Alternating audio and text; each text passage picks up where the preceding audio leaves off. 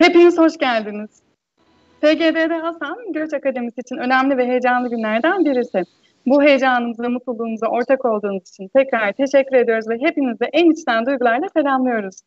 1995 yılında Ankara'da akademisyenler tarafından kurulan SGD'de ASAM, 25 yıllık saha deneyimiyle kuruluşundan bu yana gerek saha araştırmalarına gerekse izleme ve değerlendirmeleriyle akademiye her daim destek olmuş, saha deneyimlerini paylaşmış ve paylaşmaya devam etmektedir.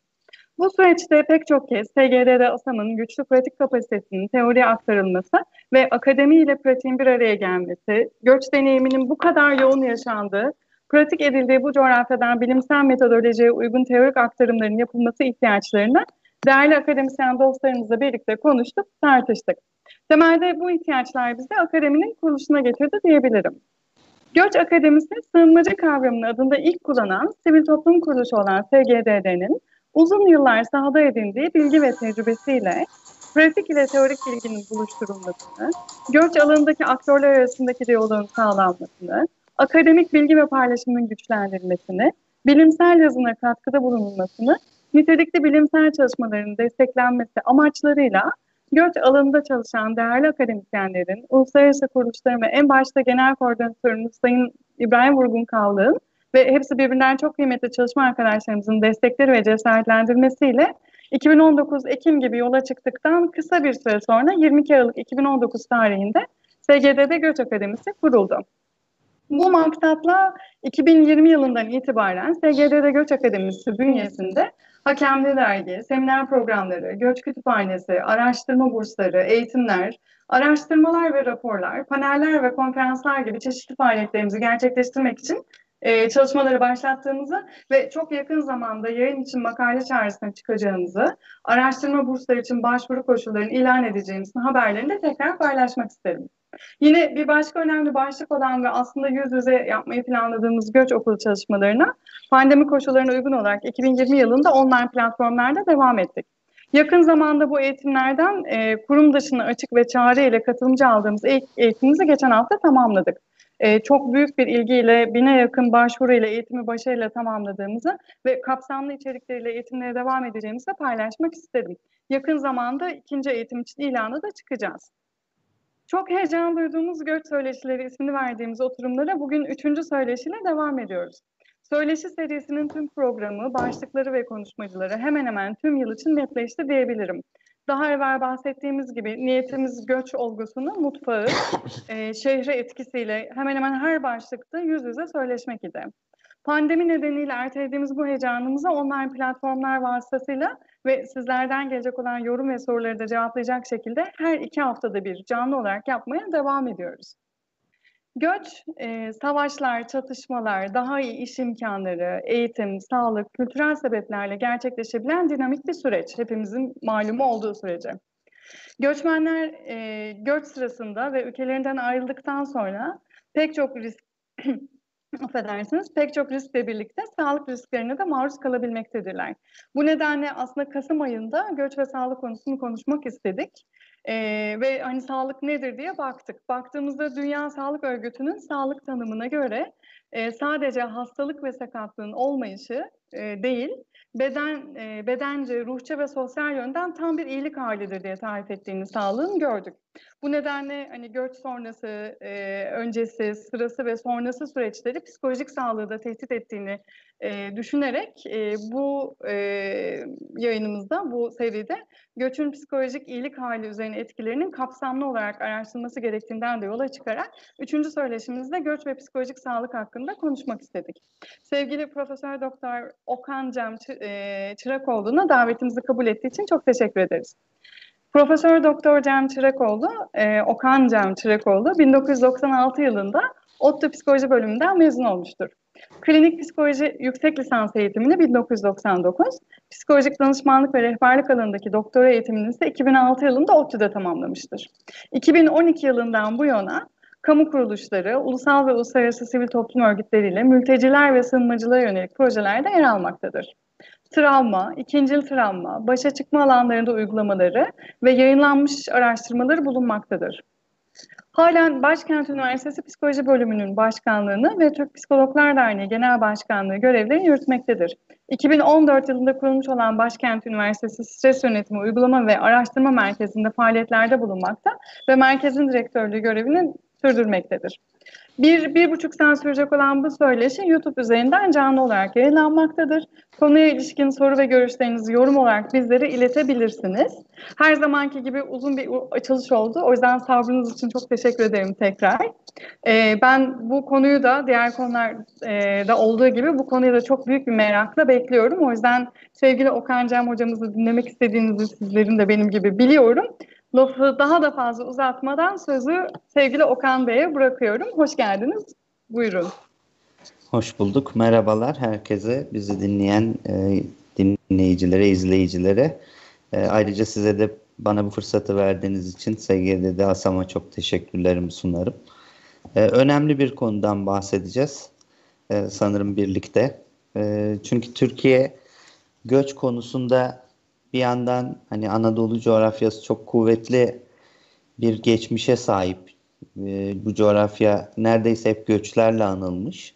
Cumhuriyet döneminde de yaşadığımız göçler var, e, mübadeleler var. E, Türkiye'ye yurt, vatandaşların, yurttaşların akınları var. Çevre komşu ülkelerden e, Türkiye'ye gelen insanlar var dönem dönem. Ama özellikle 2011 sonlarından itibaren Türkiye'ye gelen bu e, yüksek hacimli e, insan grubu Türkiye'nin göç algısını e, yeniden inşa etti diyebiliriz. Yeniden gündeme getirdi. Çünkü her göçün bağlamı e, birbirinden farklı. Yani Trakya'dan Türkiye'ye göç etmiş, Bulgaristan'dan göç etmiş insanlarla Suriye'den, Kuzey Irak'tan, Irak'tan Türkiye'ye göç etmiş insanların ya da Afganistan'dan gelmiş insanların gerekçeleri, bağlamları, geldikleri zamandaki ve burada karşılaştıkları e, koşullar tamamen birbirinden farklı. O yüzden e, her göçün insan psikolojisi üstünde çok ciddi etkileri olduğunu biliyoruz. Bir yandan da e, her göçün de kendi bağlamında değerlendirilmesi gerektiğini, kendi kültür, kültürel yapısı, kendi coğrafyası, kendi nedenleriyle e, ele alınması gerektiğini söyleyebilirim en baştan.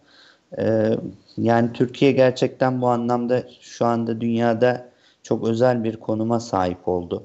Ee, şu anda Türkiye e, sayısını kimsenin tam olarak bilmediği yaklaşık 5 milyon civarında sığınmacıyı barındırıyor e, ülkede. E, onlara ev sahipliği yapıyor ya da hani felsefi bir tartışma da var bunun arkasında. Aynı coğrafyayı paylaşıyoruz demeliyiz belki de. E, ve bu çok büyük bir rakam. Hizmet götürmesi, e, eğitim, sağlık, hukuk bir sürü alanda e, birlikte gelişilmesi gereken bir alanı temsil ediyor. E, o yüzden psikolojik sağlıkla e, göç olgusu zaten doğrudan ilişkili. Bir de zorla yerinden edilme gibi özel durumlar varsa savaş, çatışma, zulüm, e, siyasi baskı, etnik çatışma, e, dini çatışma durum e, gelmeden önceki süreci de oldukça şiddetli bir şekilde belirliyor. Dolayısıyla e, hani bu insanların gerçekten e, göç başlamadan önce başlayan bir e, sıkıntıyla, bir travmayla yüz yüze geldiklerini, yolda devam ettiklerini ve geldikleri ülkede de yani Türkiye'de de ya da bir başka yerde de e, birçok açıdan bu sıkıntıların devam ettiğini söyleyebiliriz. O yüzden göç ve özellikle psikolojik sıkıntılar, problemleri ele alırken bunun bir süreklilik arz ettiğini e, hiç aklımızdan çıkarmasak iyi olacak gibi. Yani bizimle karşılaştıkları ya da bu ülkeye geldikleri anda başlamıyor sıkıntı. E, bireysel, toplumsal birçok şey önceden de taşınabiliyor. Sadece bedenlerini, kültürlerini taşımıyor insanlar. Sıkıntılarını da taşıyorlar. Ve burada da e, yeni bir ülkede var olmaya çalışarak da çok ciddi bir e, problem yaşıyorlar. E, bunların hepsi e, bu sürecin bir parçası. İsterseniz biraz daha detayda konuşabiliriz. Aslında e, şey e, Okan Bey ben arada sırada sizi böyle bölsem soru sorsam Tabii, tabii. uygun olur e, diye düşünüyorum. E, sohbet Söyleşi- edeceğiz diye düşünüyorum. evet evet. E, aslında biz de alanda çalışırken e, çok sık karşılaşıyoruz. Yani de- tam da dediğiniz gibi e, bedenini değil e, berisinde yani gelirken e, ülkesinde bıraktıkları tamamen bırakamadıkları e, işte o travmalarıyla beraber geliniliyor e, gerçekten. E, dolayısıyla hani sadece bedenleri veya bir kısım eşyasını buraya getirmiş ve olduğu gibi tamamen buradaki yapıya, sosyal yapıya, kültürel yapıya hemen e, adapte olabilecek e, olarak değerlendirmemek lazım. Bunlarla beraber e, süreci planlamak gerekiyor ya da öngörerek e, gerekli e, psikolojik e, destek mekanizmasını da işletmek gerekiyor diye anlıyorum. Eğer bu destek ihtiyaçları karşılanmazsa e, ne gibi sonuçlar doğurur diye de merak ettim size anlatırken.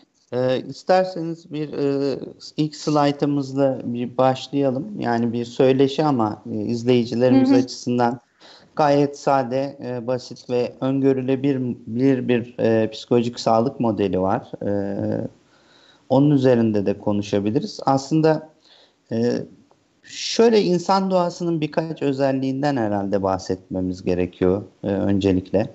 Bunu bir temel varsayım gibi zihnimizde tutabiliriz. E, diğer birçok canlıda olduğu gibi e, insanın da çok kuvvetli bellek süreçleri var ama insan zihninin bir özelliği var. Özellikle zamanı temsil edebiliyor olması nedeniyle taşıyıcı bir zihin diyoruz ona. Yani insan zihni geçmişi de taşıyor, geleceği de taşıyor, bugünü de taşıyor ve e, bitmek bilmeyen e, bir sıkıntıyı kendine yaratma olasılığı var.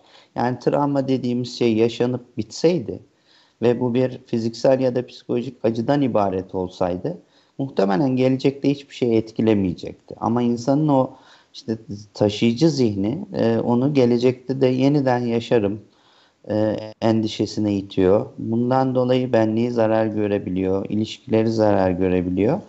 E, bu bir kere insanlar için hayatta kalmanın bir aracı, diğer yandan da ciddi bir e, hani olumsuzluk kaynağı gibi gözüküyor.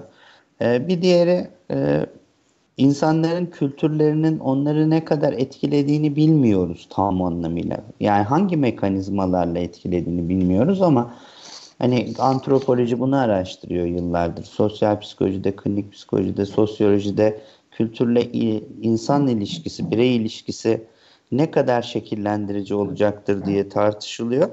E, fakat hani sizlerin de e, alandaki gözlemleri bu kültürel yapıların e, kişilere çok fazla etki ettiğini gösteriyordur. Örneğin e, hani bu benim kişisel gözlemim çok da e, sınayamadım araştırmalarla ama örneğin e, temas ettiğim Türkiye'ye sığınmacı olarak gelmiş Orta Doğu ülkelerindeki insanların birçoğunda aile yapısında e, çok böyle e, ataerkil bir aile yapısı görülmekle birlikte aileyi bir arada tutan insanın anne olduğu gözüküyor. Yani babalar kaybedildiğinde e, evet aile çok sıkıntı yaşayabiliyor, ekonomik sıkıntı yaşıyor vesaire. Ama anne kaybedildiğinde mesela aile e, ciddi bir dağılma riski yaşayabiliyor. Annelerin çok derleyici, toplayıcı bir rolü olduğu anlaşılıyor orada. E, şimdi bu bir kültürel unsur gibi de görülüyor bir yandan. E, rica etsem slaytı ekrana verebilir miyiz? Onun Hocam üzerinden de. hangisini şu anda Bir- galiba bir- YouTube'da birinci. izleyenler e, arkadaşlar görüyor. E, Öyle mi? Biz de göremiyoruz tabii ama Anladım. e, şey e, slide ekranda şu anda. tamam. Şöyle bir baktım. E, Birinci slide siz de isterseniz Evet. açabilirsiniz kendi Tamam. bilgisayarınızda. E, o slaytta e, temel olarak e, aslında çok iki tane çok önemli şeyden bahsediyor. Birincisi zamansal olarak bir insanların göç öncesinde yaşadıkları süreçler var ve göç sonrasında yaşadıkları süreçler var. Şimdi her birinden ayrı bir sıkıntıyla e, bahsediyor olabiliriz. Çünkü e, örneğin göç öncesinde kişilerin ne yaşadığını bilmiyoruz. Zulüm görmüş olabilir, Hı hı. kişisel e, sıkıntıları olabilir, aile içinde ne bileyim taciz, tecavüz, istismar, şiddet artık bilmediğimiz bir sürü şeye maruz kalmış olabilir. Çok ciddi yoksulluklar, yani olumsuzluklar açısından söylüyorum ya da kayıplar. E, göç sırasında yaşanan sıkıntılar bunlara ekleniyor. E, özellikle yakın zamanda hani Türkiye'nin yaşadığı e, göçü düşünürsek o insanların içinde gerçekten yolda saldırıya uğrayan, tacize uğrayan, e, yaşam tehlikesi atlatan, başka insanların katledildiğini izlemek zorunda kalan, e, ne bileyim dağda bir süre mahsur kalıp o sırada bir sürü e, ölmüş soydaşıyla birlikte yaşamak zorunda kalan insanlar var. E, Türkiye'ye geliyor ne oluyor? Bir, müthiş bir belirsizlik içinde. Bu bütün e, mültecilik sürecinin en önemli parçasıdır herhalde. E, belirsizlik. E, Türkiye'ye geliyor ve bir e, belirsizliğin içinde yaşamaya başlıyor. Belirsizlik zaten başlı başına bir endişe kaynağı insan için. Yani Hı-hı. kendisi de endişeden doğuyor. Hani yaratıyor belirsizlik. Gelecekte ne olacağım? Bir yandan onun içinde yaşamanın da yarattığı bir başka sıkıntı var. E, çünkü insanın çok temel bir ihtiyacı olan e, güvende olma hissini sadece bedensel hı hı. bir güven olarak düşünemeyiz. Yani bu ülkeden ne zaman nereye gideceğini biliyor olmak da bir güvenlik unsuru ya da bilmiyor olmak bir tehdit edici unsur. Peki ee, burada içsel böyle yani sizin söylediğinizden şey anladım ben. Hani belirsizliğin içinde kendi yaşıyor deyince evet. o zaman kişinin kendi öz bakım becerilerinin e, işte yüksek olması veya daha sonra geliştirilebilir e, beceriler zannediyorum bunlar. Bunlar da o travmayı nasıl yaşayacağına dair önemli belir, belirtiler midir? Şey etkenler midir? E, ee, yani herkes aynı şekilde yaşamayabilir. E, ama yoğun olarak. Elbette yani bazı e, insanlar e, dirençlilikle hayatı sürdürüyor. Fakat herkesten e, bu kadar dirençli olmasını bekleyemediğimiz gibi yine aynı şekilde herkesin bu dirençliliği sürdürebilmesini de her zaman beklemiyoruz. Dolayısıyla Türkiye'ye geliyor örneğin ayrımcılığa uğruyor. Örneğin barınak problemi yaşıyor, işsizlik yaşıyor. ve Kalabalık ailelerde çocuklarının geleceğiyle ilgili endişeler yaşıyor. Diyeceğim o ki e, göç öncesi, göç sırası ve göç sonrası hani Türkiye'ye gelindi ve artık güvendeyiz diyebileceği bir şey temsili yok insanların zihninde. Buraya geliyor doğal insan yaşantısı olarak yeniden e, bir yaşam mücadelesini sürdürmek durumunda kalıyor. Bu grafikte gördüğünüz en temel şeylerden biri risklerin kaynakları. İşte göç öncesi, göç sırası ve göç sonrası. Ee, yine yani ailemiz, çevremiz bize destek sağlayabilecek araçsal ya da duygusal kaynaklar. Ee, bir diğer yanda da işte kişi, kişilik özelliklerimiz ya da bazı Hı. becerilerimiz. Şimdi e, psikolojik sağlık söz konusu olduğunda bunların bileşkesi. Fakat e, bu grafikleri şöyle okumamız gerekir. E, ben öyle inanıyorum en azından. E, buradaki her bir kutucuk kendi içinde bir derya deniz. Yani insanların de göç sonrası stres dediğimiz şeyin içinde o kadar çok şey var ki ve herkesin bundan etkilenme farklı. Ee, barınması, beslenmesi, işte eğitimi, haklardan yararlanması, e, akültürasyon, e, onun yarattığı stres, sayısız şeyden bahsedebiliyoruz. E, o yüzden biraz daha fenomenolojik yaklaşırsak, e, bu tür modeller belki bize nerelere bakmamız gerektiğini söylüyor ama e, bu ortadaki mevcut psikolojik iyi oluş halini anlayabilmek için kişilerin e, gerçekten çok bireysel dünyalarında nelerin onları etkilediğini, nasıl etkilediğini, e, bunlarla başa çıkmak için neler yaptıklarını biliyor olmamız gerekiyor. E, bu da tabii ki topyekün e, büyük kitleleri etkileyecek politikalar geliştirmenin ötesinde destek verirken de e, bazı konularda özel hassasiyet göstermemiz gerektiğini söylüyor bana. Hı hı. Ee, ben bir de e, bu durumda şöyle de anlıyorum. Bazı gruplar daha e, fazla etkileniyor. İşte dediniz ya anne kaybı e, baba kaybından daha farklı sonuçlar oluyor. E, o zaman çocukları örneğin e, kadınları, çocukları, e, ve diğer hassas grupları e, daha da hassaslaştırıyor bazı grupları göç e, diye anlıyorum söylediklerinizi. Doğru söylüyorsunuz. Ee, hani ondan önce belki küçük bir noktaya e, değinmem gerekir. Şimdi e, psikolojik sağlık e, bir slide daha ilerlersek orada göreceğiz. E, sığınmacı ve mülteci grupları içinde e, yani göç eden gruplar içinde özellikle de zorla yerinden edilme ya da ülkesinde baskı zulüm gördüğü için hı hı. E, ülke değiştirmek durumunda kalan insanlarda e, aslında çok beklendik üzere kayıp temelli e, depresyon hmm. ya da bu endişenin yarattığı kaygı bozuklukları işte travma sonra stres bozukluğu gibi ya da uyum bozuklukları görülme olasılığı artıyor. Şimdi e, özellikle travma sonra stres bozukluğu ve akut stres bozukluğu doğrudan travma ile ilişkili e, tanılar ve stres temelli tanılar adı da üstünde olacağı olduğu gibi. E, diğer yandan e, bu durumu şöyle de düşünmemiz gerekir. Bunlar psikiyatrik tanılar. Yani belli kriterleri karşıladıklarında insanlar bu tanıları alıyor. Bu hiçbir zaman şu anlama gelmiyor. Bir insanın yaşadığı travma kitapta yazan psikiyatrik bozukluk kriterlerine erişemediği için müdahaleye ihtiyaç duymuyordur diyemiyoruz. Dememeliyiz.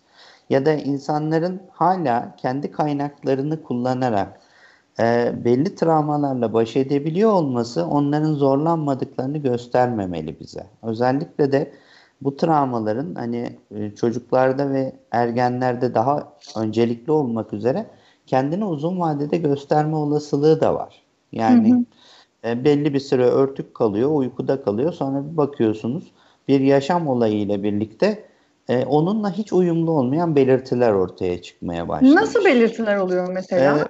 Yani bu özellikle travma sonra stres bozukluğunun e, başlangıçtaki belirtileri e, aslında çok belirgindir. Temelde çok ciddi bir fizyolojik uyarılma vardır korkuya dayanan. E, merkezi periferal sinir sisteminin stres tepkisinin harekete geçmesi hı hı. ve kalıcı olması ile ilişkili. Yani vücudumuz sayısı stres hormonunu üretiyor bir tehlike karşısında.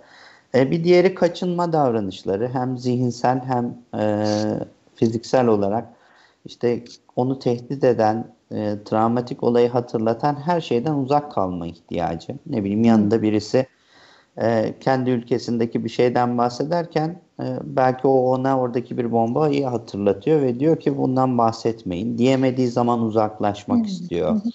Ne bileyim televizyon izlerken Mesela bugünlerde deprem e, konuşuluyor. E, sağ olsun medyacılarımız e, en travmatik görüntüleri ekrana aktarmaktan hiç imtina etmiyorlar. E, orada yıkılan bir binayı izliyor olmak bizim için belki bir travma yaratıyor. Bir deprem bir şey travması yaratıyor ama belki bu sığınmacı mülteci e, konumundaki insanlar için kendi ülkelerindeki başka deneyimleri de hatırlatıyor. Hı hı. E, ya da insan, insanların kaybı. Peki tersi gibi bir şey olabiliyor mu? Yani mesela şöyle e, sormak istediğim şey, e, aşırı uyum sağlama nedeniyle kendi kültürü veya işte ülkesinden hatırlat, kendisine ülkesini hatırlatan, oradaki yaşantısını hatırlatan e, pek çok işte o işaretleyiciye neyse e, aşırı olumsuz tepki yaratma gibi bir şey. Kaçınma değil ama ya da kaçınmanın başka bir halidir. Örneğin Hani hiç sevmem işte bir şeyleri neyse oralardan bir daha Hı-hı. göstermesin bana gibi Aha. hani cümleler kurulması. Ee, belki bu da bir duygusal e, tepkidir. Öyle düşünelim. Yani e, insanlar vatanında bunları yaşadığı için kaygı endişe de tetikleniyor olabilir. Bir yandan bunlar yaşandığı için e, duyu, hissettiği işte üzüntüyü, öfkeyi oraya kanalize etmiş de olabilir. E, hepsi mümkün. E, aslında az önce söylemeye çalıştığım şey oydu. E, biz burada çok kategorik bir bilgiden bahsediyoruz ama kişiler bu kaygıyı, bu endişeyi farklı şekillerde deneyimliyor olabilirler. Bunu fark etmek galiba e, siz uzmanlara kalıyor. E, bizlere değil de yani bunun e, kaynağını bulmak ve ona göre e, gerekli mekanizmayı işletmek herhalde. Aslında bizim için e, şöyle bir durum var. Özellikle hani mülteci e, sığınmacı alanında çalışan e, sayısız insan var. Bu insanların bazıları psikoloji alanında yetişmiş, bazıları yetişmemiş. Ama hepsi çok altruistik, çok insani, çok yardım e, temelli bir alanda çalışıyorlar ve benzer deneyimlere maruz kalıyorlar. Dolayısıyla insani olarak da zaten çok kısa sürede bir repertuar geliştiriyor bu arkadaşlarımız. Yani kimin e, desteğe ihtiyacı olduğunu belirlemek ve doğru şekilde yöne, yönlendirmek başlı başına bir e, hizmet. Yani e, tabii ki bunun derinliği bizim için e, önemli olabilir ama aslında bizim ihtiyaç duyduğumuz özellikle de bu alanda çalışan insanlar için ihtiyaç duyulan temel şey ve aslında gerçek destek olma fikri e, benim için şudur. Bir insanı tespit ettim. Desteğe ihtiyacı olduğunu düşünüyorum. Bunun alınabilmesi için kendisiyle uygun bir temas kurdum. Bunu aktardım ve ona yerini de gösterdim. Yani buralardan, buralardan, buralardan bu desteği alabilirsin dedim. Hatta kimi zaman işte e, sizin arkadaşlarınız doğrudan bu hizmetlere aracılık ediyorlar. Küçük hı kentlerde e, insanları ulaştırıyorlar. Çok gerçekten çok onurlu, saygıdeğer bir iş yapıyorlar. E, ve o yönlendirme tamamlandığında aslında e, bizler için en büyük şey halledilmiş oluyor adım. E, çünkü o artık gerisinde olup bitecek şeyler oradaki uzmanla bu hizmeti alan sığınmacı birey arasında e, devam edecek. E, ben genellikle bu e, travma sonrası stres bozukluğundan bahsederken e, belirtilerinden bahsediyorduk. Bir konuyu özellikle dile getirmeyi çok arzu ediyorum her yerde. Şimdi travma sonrası stres bozukluğunun kaçınma kategorisinde belirtileri var. Fizyolojik uyarılma, işte uyku problemleri, aşırı ilkilme, tetikte olma, huzursuzluk gibi belirtileri var. Ee, insan belleğinde ciddi e, belirtileri var. Olayın bir kısmını hatırlayamama vesaire gibi. E, olayı yeniden yeniden yaşamasına neden olan o olayla ilgili zihninde bir imge, bir ses, bir koku vesaire var.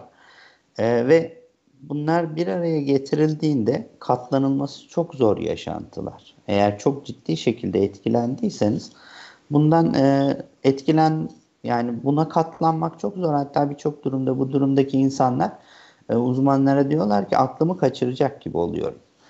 Diğer taraftan şunu biliyoruz, araştırmalar bize onu söylüyor. E, belli bir zaman içinde, ilk 6 ay, 1 yıl içinde bu insanların çok önemli bir kısmı belirtilerden kendi kaynaklarını kullanarak e, arınıyorlar. Tabii ki hala zorlanıyorlar ama bir bozukluk geliştirmeden de hayatlarını sürdürecek kadar e, dirençliler. Şimdi esas o diğer tedavi alması gerekirken alamayan grup benim için bir halk sağlığı sorunu teşkil ediyor. Hı hı. E, çünkü bu e, problemin tedavi edilmediği durumlarda uzun vadede yaşanan şeyler gerçekten çok dramatik. Mesela kişiler bu olayın o da olayların etkisini bertaraf etmek için madde kullanımına yönelebiliyorlar. İkinci bir Hı. sorunları oluyor. E, madde kullanıldıktan sonra bu maddenin etkisiyle yaşanacak şeyler var. E, bir başka sorun oluyor. Aile içi, ev içi e, şiddet, saldırganlık, öfke e, ya da öfkeyi kontrol edememe ortaya çıkabiliyor. Bu da tahmin edersiniz sosyal hayatın içinde insanların uyumunu hat safhada bozacak bir şey. Ee, o yüzden tedavi edilmemiş katmanlar kalırsa toplum hı hı. içinde uzun vadede bu insanlar e, gerçekten sadece kendilerini değil bulundukları çevredeki sosyal yapıdaki insanları da etkileyerek onlar üzerinde de bir yük oluşturabiliyorlar. Ee, o yüzden o zaman, yönlendirme kısmını hafife almayalım.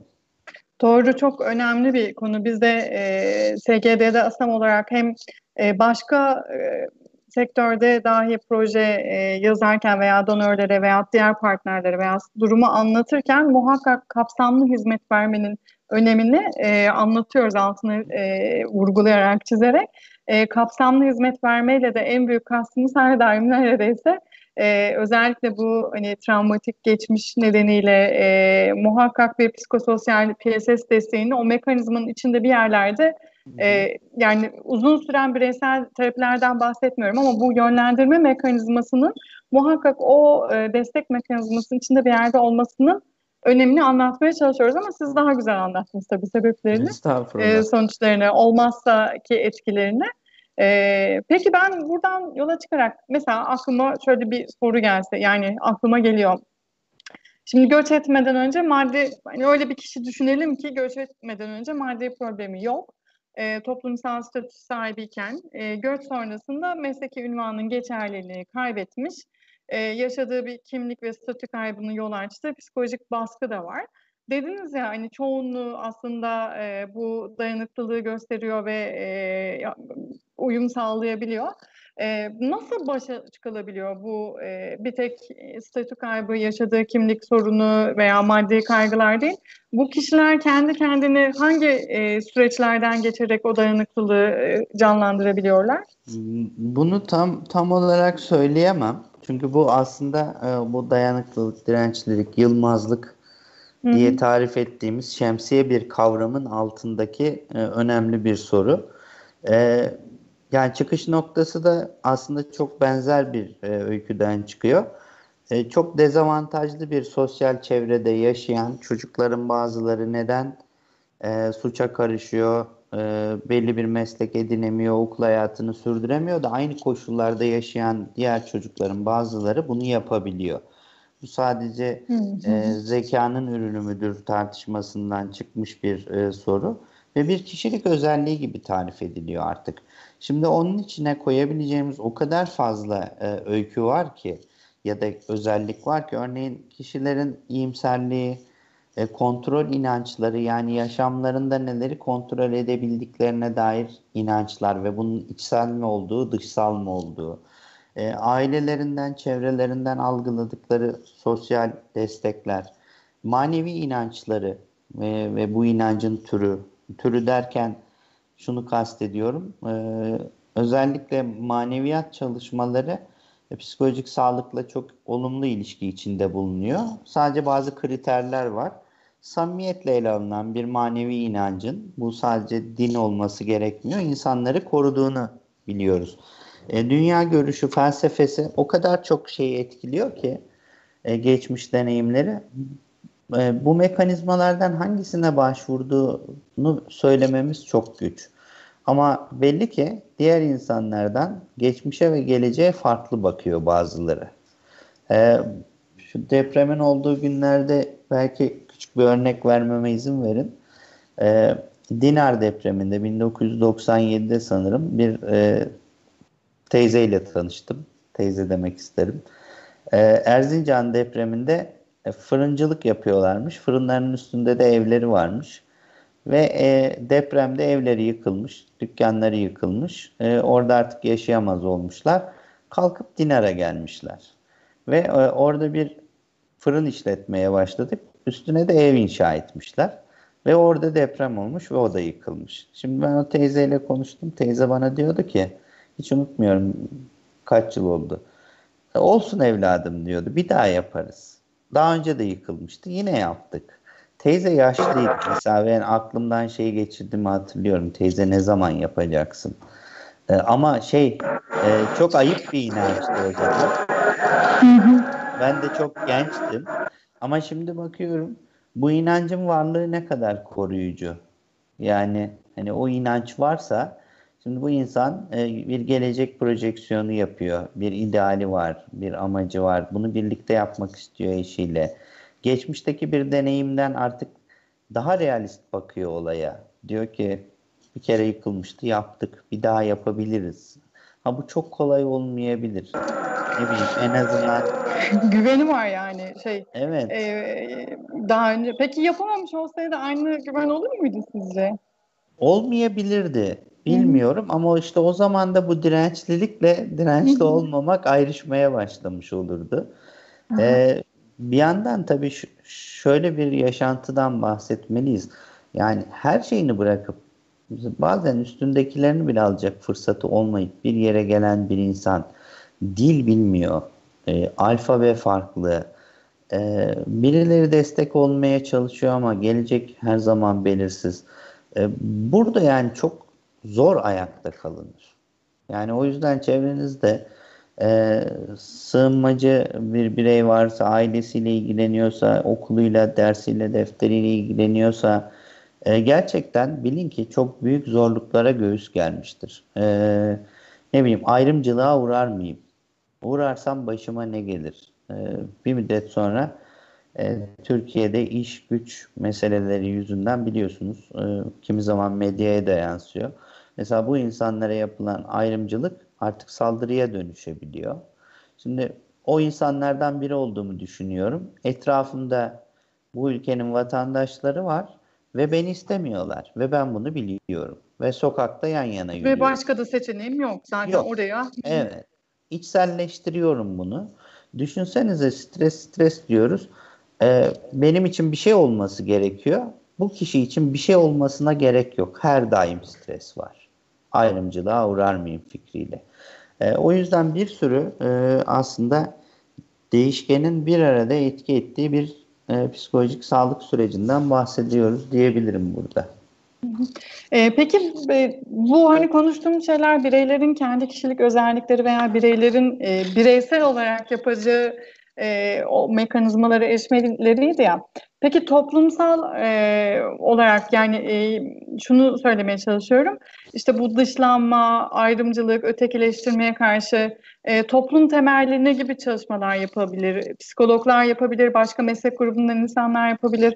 E, bu konuda belki sosyal medya faktörü kullanılabilir e, veyahut başka önerebileceğiniz faktörler, mekanizmalar e, var mıdır? Grup e, mesela biz çok fazla grup e, PSS etkinlikleri yapıyoruz. Bunun Hı hı. etkisini de görüyoruz çünkü e, olumlu etkisini görüyoruz elbette. E, böylece hem bahsettiğiniz o dayanıklılığın akması mı, yansıması mı, bulaşması mı denir bilemiyorum. E, o inancın, o umudun e, bulaşmasını da sağlanabiliyor. E, ama bunu muhakkak vardır teknik bir yanı açıklaması.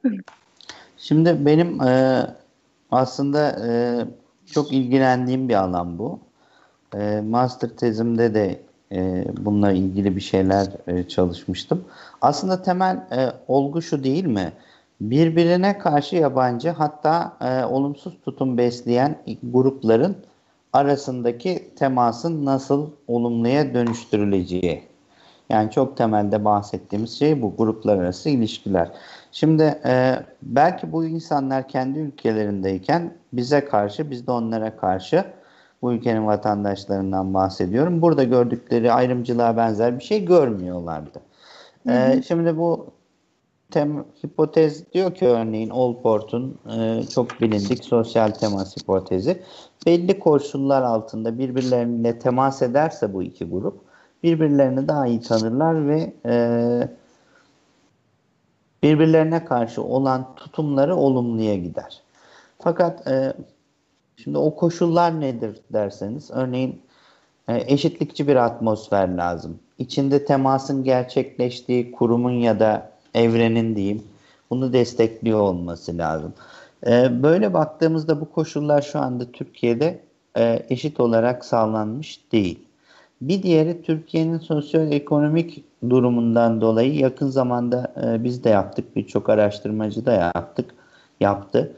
E, tutumun temel belirleyicilerinden bir tanesi ne sığınmacılara karşı dediğimizde tehdit algısı çıkıyor ortaya.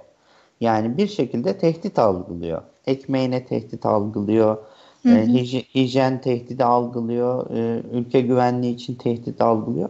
Bunların çoğu gerçekçi olmayabilir. Ama böyle bir algı var ve oluşmuş ve destekleniyor. Ee, özellikle de hani Türkiye'nin e, sosyoekonomik gücü daha kuvvetli olsaydı bu kadar etkilenir miydik emin değilim. Ama şu anda çıkan tablo bu. Şimdi bu tabloyla mücadele etmek bir insanlık görevidir diye düşünüyorum ve orada e, en üstteki devlet kurumundan e, en alttaki devlet kurumuna kadar sivil toplum örgütlerinden e, bireylere kadar herkesin sorumluluğu var. Yani biz böyle bir e, sorumluluk duymalıyız. Şimdi bireysel çabalarla insanları güçlendirmek bir yandan çok iyi. Bir yandan da e, bu alanda çalışan herkesin yaşadığı bir çaresizliktir. Bu sizler de dönem dönem karşılaşırsınız.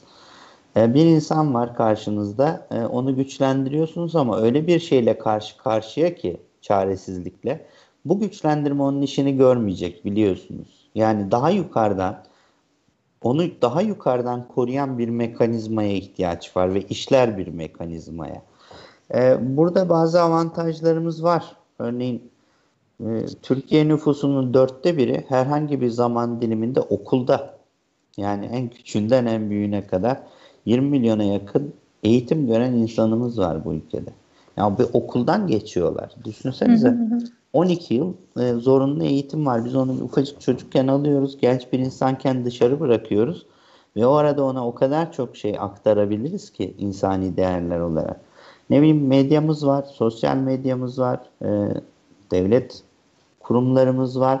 E, fakat bunlar arasında bu konuda bir işbirliği var mı? Bir tutum birliği var mı? E, burası tartışmalı. E, hani konu safsın istemiyorum. Psikolojik sağlık çerçevesinde düşünüyorum ama mesela ne zamandır mülteciler gündemimizde yok. Sığınmacılar. Aylardır yok. Yani hani bir yandan bu kadar e, sadece kavgayla, itişmeyle, olumsuz olaylarla medyaya verilsin istemiyoruz bu durum. Çünkü bu insanların e, sayısız olumlu özelliği var. Bir sürü iyi iş yapıyorlar, çalışıyorlar, kurallara uyuyorlar vesaire bir yandan. Diğer yandan da aylardır böyle bir gündemimiz yokmuş gibi yaşıyoruz. Şimdi öyle baktığımızda da e, bu işi e, bir araç gibi gündeme taşıyıp çekmekten ziyade e, köklü, uzun vadeli, belki Türkiye'de doğmuş insanlar için, belki gelecek kuşaklar için bir yatırıma başlamamız lazım. O sosyal uyum politikaları e, bunu çok belirleyecek. E, ve bunda e, sadece bireylerin e, rolü yok. Yani çok yukarıdan devletin bu konuda bir devlet olmaktan kaynaklanan bir görevi var. Ve en iyi şekilde icra edilmezse ortaya çıkacak şey başka bir başladık. Gettolaşma. Hı hı. Ee, çok ciddi bir problem. Yani insan sağlığı üzerinde de e, bir problem bu. Ne yapılıyor gettolaşmayla? Az önce bahsettiğim temsili e, bireyi düşünün. Etrafındakiler ondan hoşlanmıyor diye düşünüyor. E, dilini de anlamıyor. Nereye gidecek? Kendisi gibi insanların yanında olmak isteyecek. Halbuki biz harmonizasyondan, uyumdan bahsediyoruz. Bir arada olmaktan bahsediyoruz. Bunu yapamayınca e, %99 şehrin en istenmeyen bölgesinde. Çünkü ekonomik gücü de yeterli değil. E, bir nüfus yoğunluğu başlayacak. Daha sonra orası kendi e, tam entegre olmasını istediğin iki toplumun tam ayrıştığı bir noktaya dönüşecek. Kendi kuralları, kendi adalet sistemi, kendi e, mafyası, fuhuşu, e, uyuşturucu piyasası her şey ortaya çıkacak. Ve bir müddet sonra bu insanlar ihtiyaç duymadıkları sürece oradan çıkmayacaklar. Hı hı. E, ve çıkmak durumunda kaldıklarında da zorlanacaklar. Ee, ee, bu önemli buradan da anlıyorum ki e, tabii aslında hani bireylerin kendi psikolojik sağlığı ile ilgili olarak e, yapması gereken yani bireye yönelik doğrudan yapılması gereken pek çok e, fonksiyonu olan e, etkinlik etkinlik demeyeyim de e, etki edilebilecek Müdahale müdahaleler varken e, bir de ayrıca gruplara, topluluklara, toplum temelli bir takım e, müdahalelere de ihtiyaç var. Bu sadece e, göçmen toplulukları için değil, e, ev sahibi yerel topluluklarının e, güvenlik e, ve evet e, diğer hani en başta da konuştuğumuz diğer ihtiyaçlarının karşılanması için de önemli bir gerekçe. Hocam bir yandan da bir soru var. Ben o soruyu da okumak istiyorum size müsaadeniz olursa. E, yavaş yavaş da sorular e, gelmeye başladı. E, bir dakika hemen şuradan açıyorum. E, der ki e, bir arkadaşımız tam adını okuyamadım. E, gözlüğümü de çıkardım yansıma yaptığı için o yüzden kusura bakmasın. E, Dünya Sağlık Örgütü'ne e, örgütünün sağlık tanımına göre sağlık sadece hastalık ve sakatlığın olmayışı değil, bedence, ruhça ve sosyal yönden tam bir iyilik halidir diyor. Evet. Bu tanımdan yola çıkarak ilk soruyu sormak isterim demiş. E, göç sürecinin kişilerin psikolojik iyilik hali üzerindeki etkileri nelerdir? Gerçi hani birazcık bahsettiniz neler olabileceğine dair ama belki hani bir iki cümle daha soruya cevap olarak size ee, Şöyle bu, bu, bu tanımın e, çok güzel bir yanı var. Bu tanım zaman içinde evrilmiş bir tanım. Ve son üzerinde uzlaşılmış bir tam bir sağlık tanımı olmasa da Dünya Sağlık Örgütü bunu söylüyor ve çok doğru bir şey söylüyor. Çünkü hastalık ve belirti aradığımız ve bulamadığımız zamanlarda insanların iyi oluş halinin yeterli olduğunu söyleyemiyoruz. Yani yeterince mutlu olmalı, yeterince ihtiyaçları karşılanmalı, e, ne bileyim kaygısı, endişesi e, makul düzeyde seyretmeli. Çünkü bunlar e, bir yandan da olumlu hayatta kalmamızla ilgili duygular. Mesela şöyle ee, duymuştum ben. Bir insan açsa sağlıklı değildir. Bir insan okuma yazma bilmiyorsa sağlıklı değildir. Ee, e, bu tanım devamında.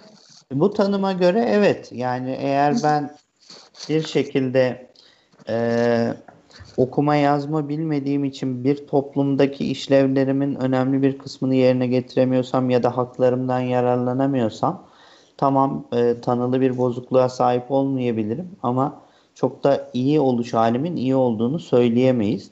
E, az önce söylemeye çalıştığım şey oydu. İyi oluşumuzun tamamından bizler sorumlu değiliz bireyler olarak.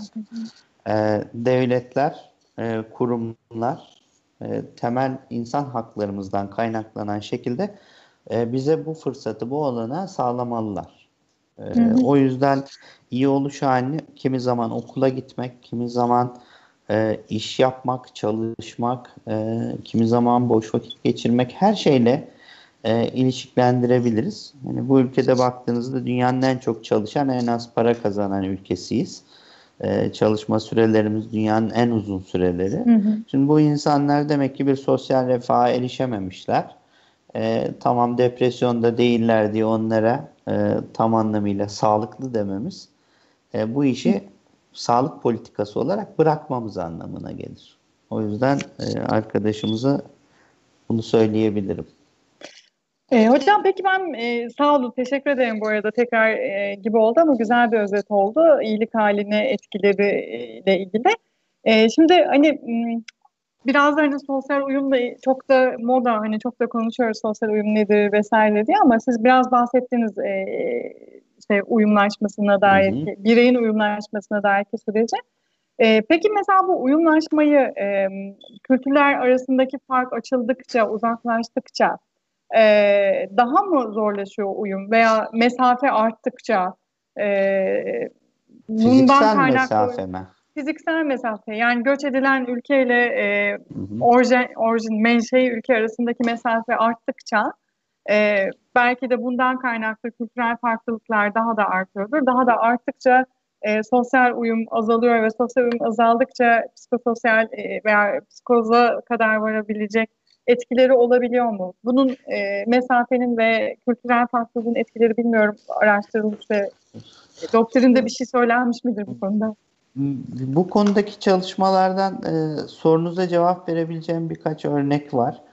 E, örneğin şimdi biz ara sıra dilim kayıyor, mülteci diyorum, sığınmacı diyorum. E, eminim bizi dinleyen arkadaşlarımız biliyordur. Bunlar ayrı hukuki statüler ve Türkiye'deki e, mülteci diye andığımız insanların çok büyük bir çoğunluğu Türkiye'de geçici e, koruma kapsamındaki sığınmacı statüsünde insanlar.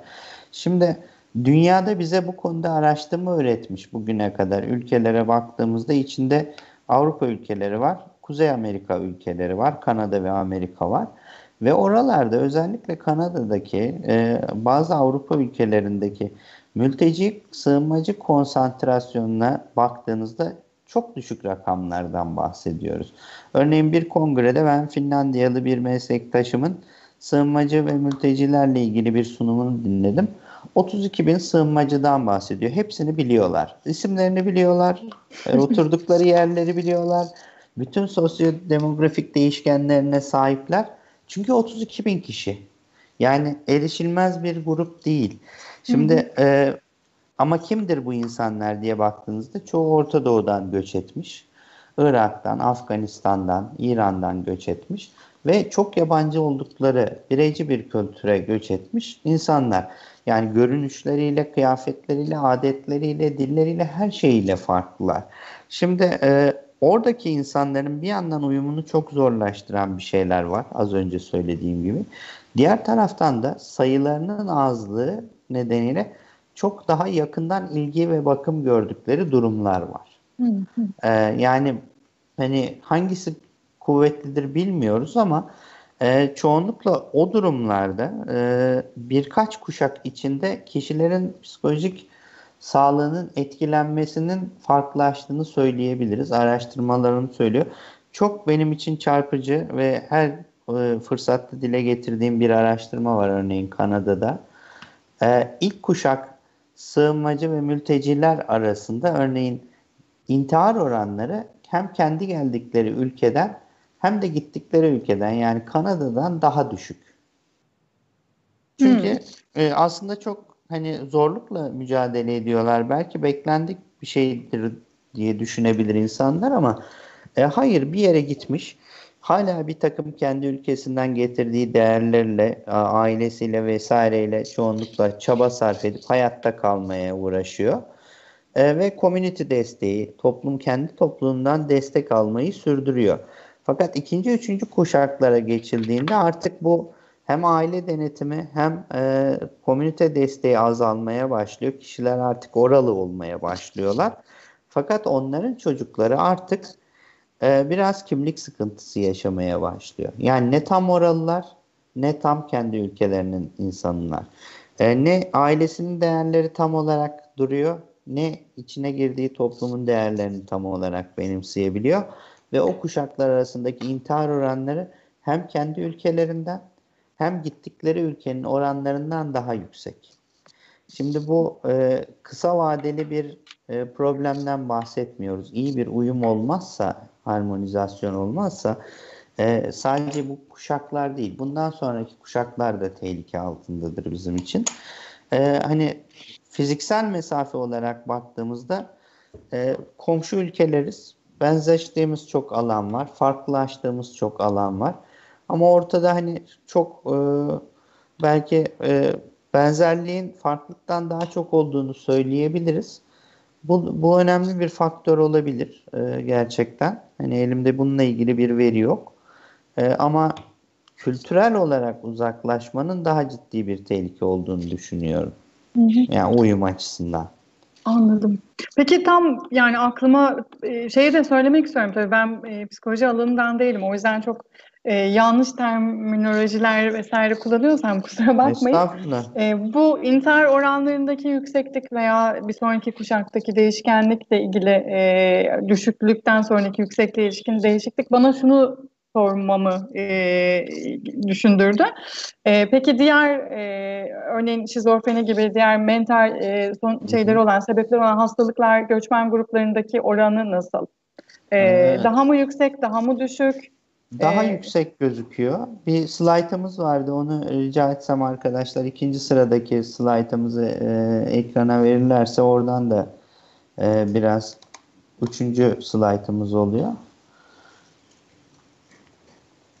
E, bu arada e, birkaç soru da var. E, hı hı. Aslında o soruları da sormak istiyorum. Şuradan yine okumaya çalışacağım. Evet. E, Harun Kızıltaş sormuş. İyi yayınlar dilerim. E, refakatsiz çocuklardan ve devlet kurumlarının sağladığı imkanlardan söz edebilir misiniz? Psikososyal, yani herhalde e, bu e, psikolojik destek anlamında soruyor.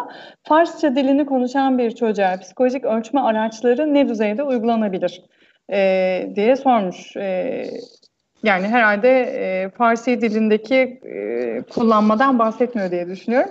Türkçe e, dilindeki ölçme araçlarını e, kullanmaktan bahsedildiğini tahmin ediyorum.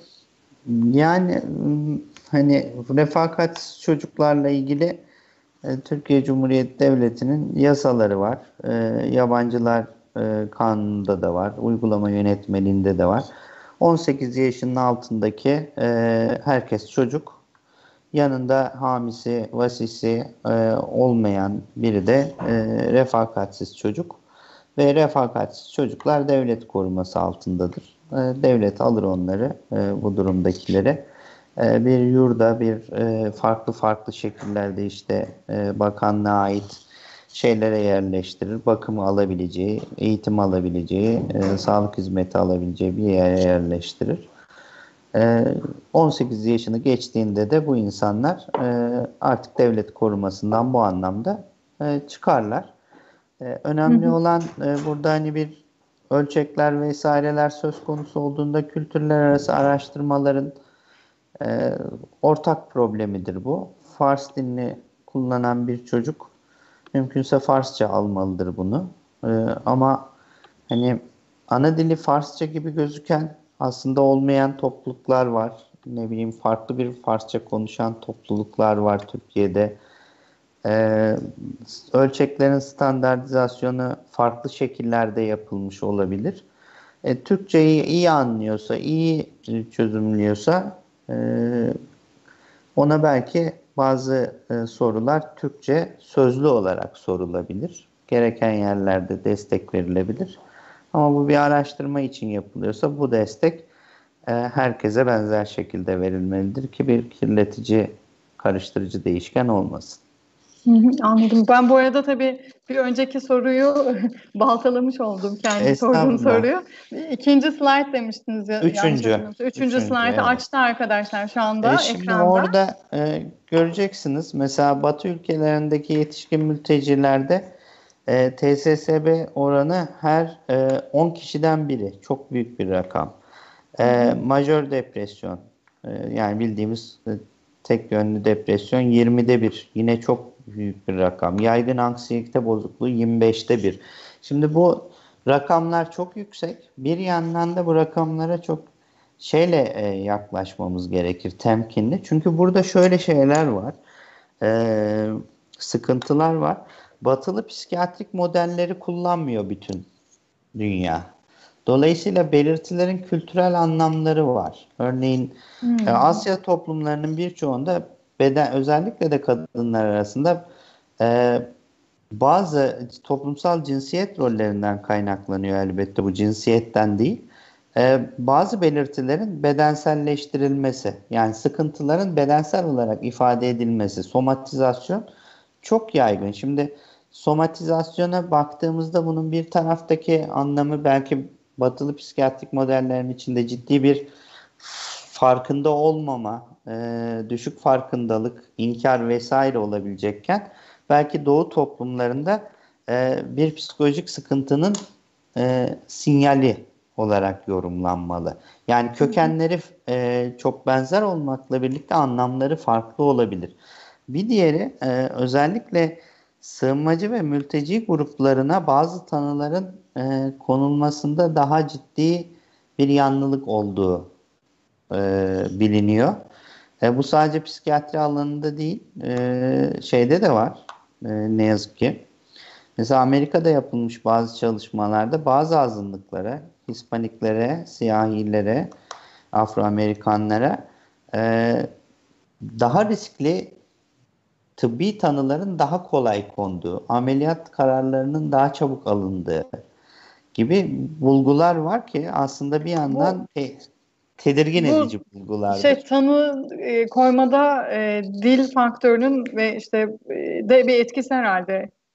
E, çok iyi niyetli düşünürsek evet. Çok e, dil faktörü önemli. E, kullanılan psikiyatrik modeller ve belirtilerin sunumu farklılaşabilir. Öte yandan örtük bir şekilde gerçekten ayrımcılık e, birçok yerde kendini gösteriyor olabilir. Yani Hı, kişiler oraya kadar orada bilinçli bir e, ayrımcılık yapmıyor olabilirler e, bu Hı. uzmanlar. Ama farkında olmadan belki e, başka bir durumda üç kere dikkat edeceği tanıyı bunda iki kere bir kere dikkat ederek koyuyor olabilir.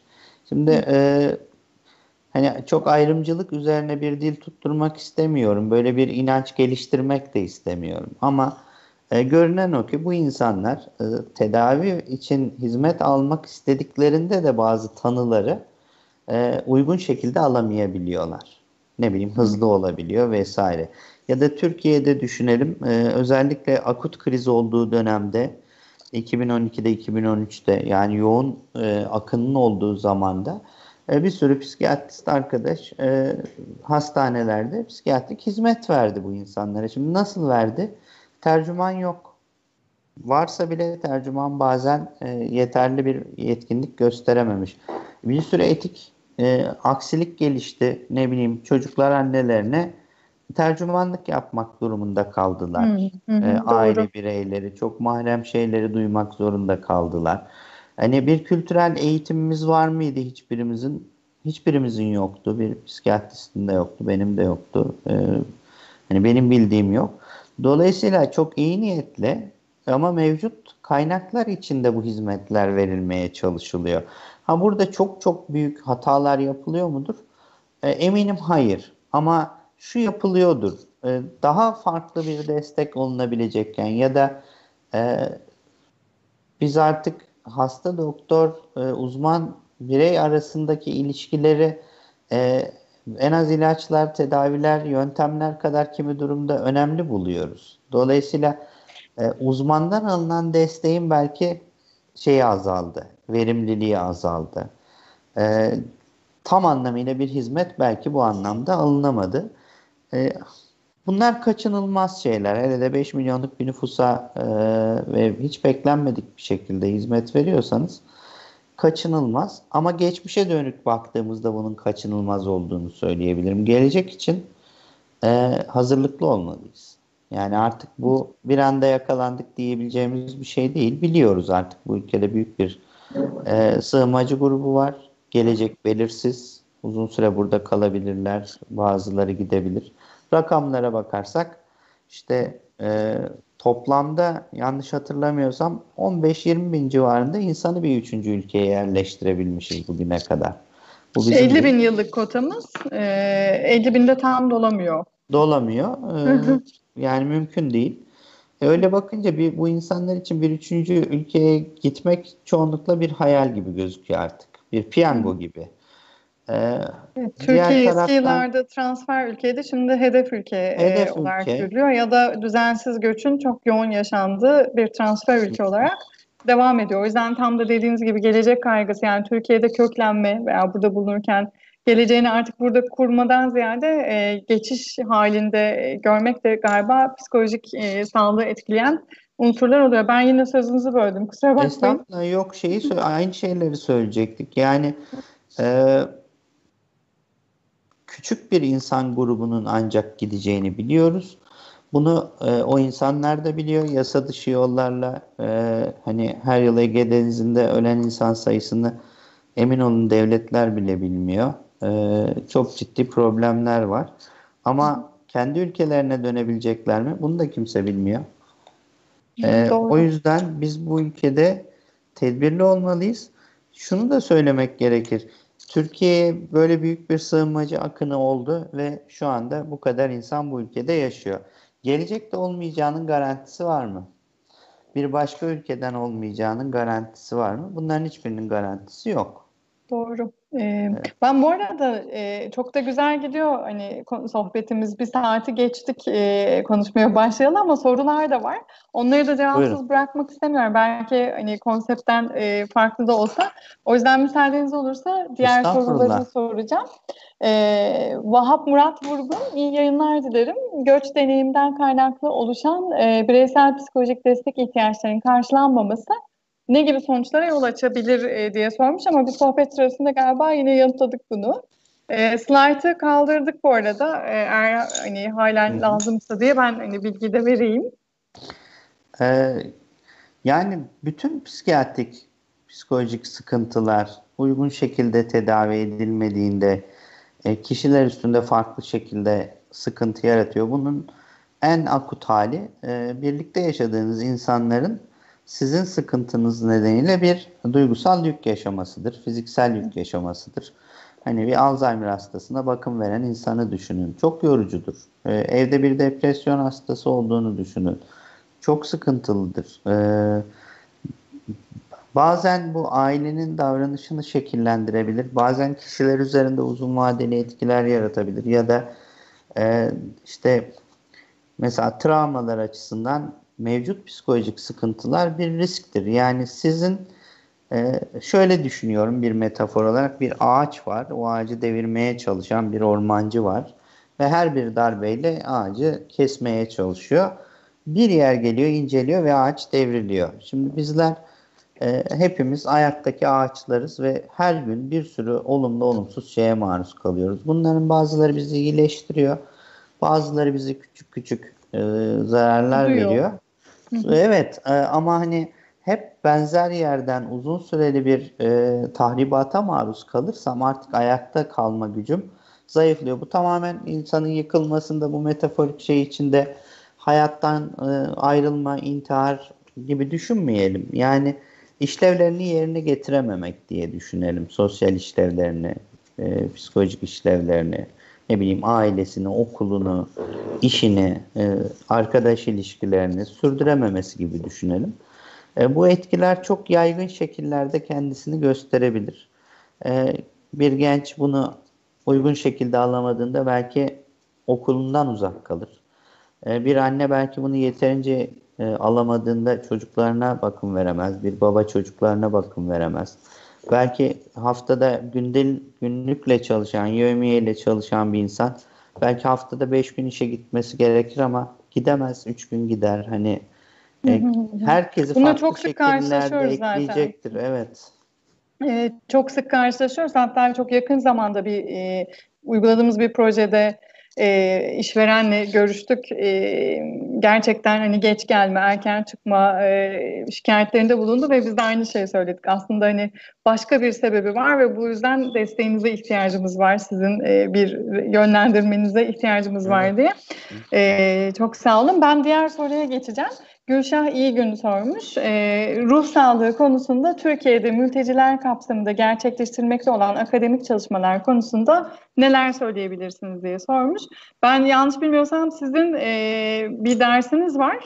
E, mülteci psikolojisi dersi veriyorsunuz. Evet. E, belki Türkiye'de ilk ve tektir, sondur. Hani son olmasın da e, Umarım daha çok diyelim. olur. Daha çok benim, olur. benim bildiğim ilklerden biri. Ee, galiba psikoloji bölümlerinde göç alanı ile ilgili derslerin pek olmadığını da yani ben e, alan uzmanı değilim ama biliyoruz e, daha sonra Doğru. lisans sonrasında biz de pek çok arkadaşımızla çalışıyoruz. Ee, bununla ilgili bir düzenleme yapmak gerekir mi? Sizin öneriniz nedir e, bu hususlarda? Yani, hani ben bu alanda çalışan bir akademisyen olarak e, Türkiye'de yetişmiş psikologların e, artık bu konuda e, daha eğitimli olmaları gerektiğini düşünüyorum.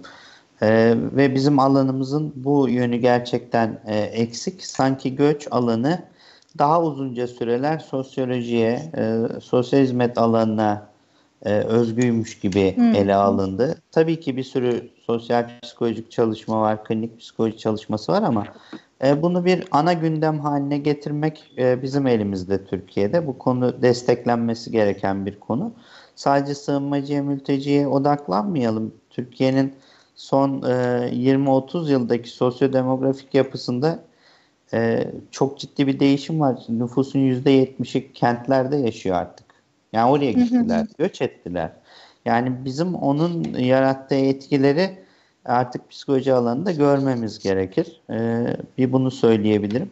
Akademik çalışmalarla ilgili şu şöyle bir şey var. Biraz dağınık gidiyor. E, bunun bir nedeni ilk başta etik gerekçelerle özellikle devlet kurumları şey yapmadılar. E, mültecilerle ilgili çalışmalar yapmak için izin alma zorunluluğu koydular. Sonra bu e, izinler kalktı. Fakat e, ortaya çok nitelikli araştırmaların çıkması biraz güçleşti.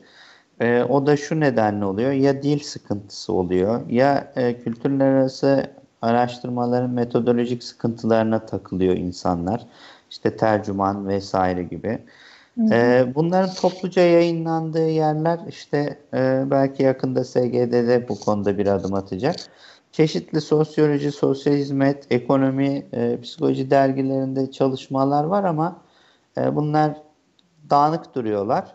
E, Türkiye'de bir e, sığınmacı ve mültecilerde psikolojik sağlık sempozyumu çalışması başlattık. E, ben başlattım kendi üniversitemde. İkincisini yaptık. Üçüncüsünde özellikle de psikolojik sağlık çalışanlarına odaklı yapacaktık ama pandemi nedeniyle ertelemek zorunda kaldık.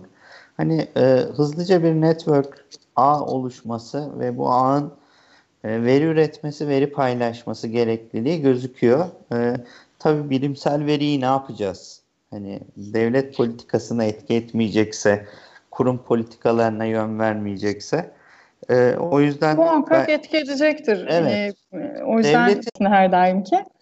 E, çok teşekkür ederim. E, belki ilerideki slaytlarımızdan birini de açabiliriz. Bu Hocam ben benim... bu arada e, çok özür diliyorum. Soruları atlaya atlaya gidiyorum. Çünkü hani bağlantısını görünce e, ona e, bağlantılı soru görünce oraya hemen yöneliyorum ki.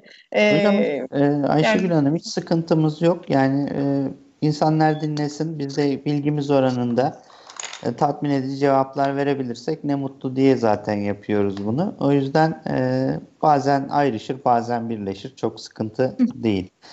E, şimdi psikologların eğitimiyle ilgili e, hangi dersleri alması gerektiğini belki söyleyebiliriz ama bu dersleri alabilirler mi onu söyleyemeyiz. E, öyle bir sıkıntı var. E, çünkü müfredatlarımız bizim biraz muhafazakar. Özellikle seçmeli dersler konusunda belki biraz ayrışıyoruz. Diğerlerinin çoğu çok benzer durumda. Ama hani e, en temelde bir travma, travma ile ilişkili durumlar, iyi bir psikopatoloji dersi, e, iyi bir stres e, temeli, bilgisi temeli, e, mümkünse bir e, sosyal e, psikolojik açıdan, klinik açıdan e, mültecilerle ilgili e, bir dersin alınması bence çok e, yararlı olur. Fakat bu alanda bu dersleri e, verebilecek uzmanlıkta hocalarımız her zaman olmuyor. Yani mutlaka e, birçok ihtiyacı giderebilirler bu alanda ama e, belki bunu şöyle e, karşılamak da gerekir e, bir yandan. Bu eksiklik psikoloji eğitiminde tamamlanamıyor olabilir ama özellikle e, ST olumlu olacağını düşünüyorum. E, zaten ikincil travmatizasyon bu alanda çok karşılaştığımız bir problem. Bu alanda çalışan insanlar için. Bir müddet sonra e, damla damla birikerek gerçekten tükenmişlik, travma ve yoğun stres karışımı belirtiler ortaya çıkabiliyor. E, bu alanda çalışan insanlarda e, kişilerin kendi hassasiyetlerini fazlacısıyla uyaran bir alan. Hele de yüz yüze çalışıyorsanız. Ne bileyim kendi kayıplarınız var. Biri size kaybından bahsediyor. Kendi yalnızlık hissiniz var. Biri size yalnızlığından bahsediyor.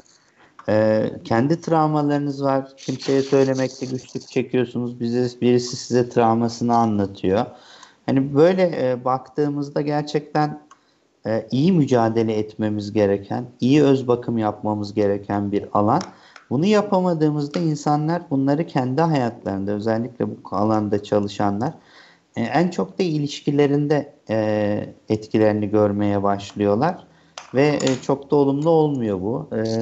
Hani tartışmalar artabiliyor, tatminsizlik artabiliyor, isteksizlik çok had safhaya varabiliyor.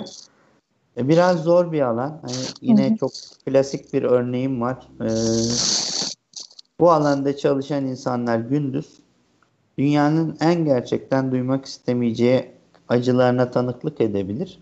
Ama akşam gidip arkadaşının düğününde göbek atar.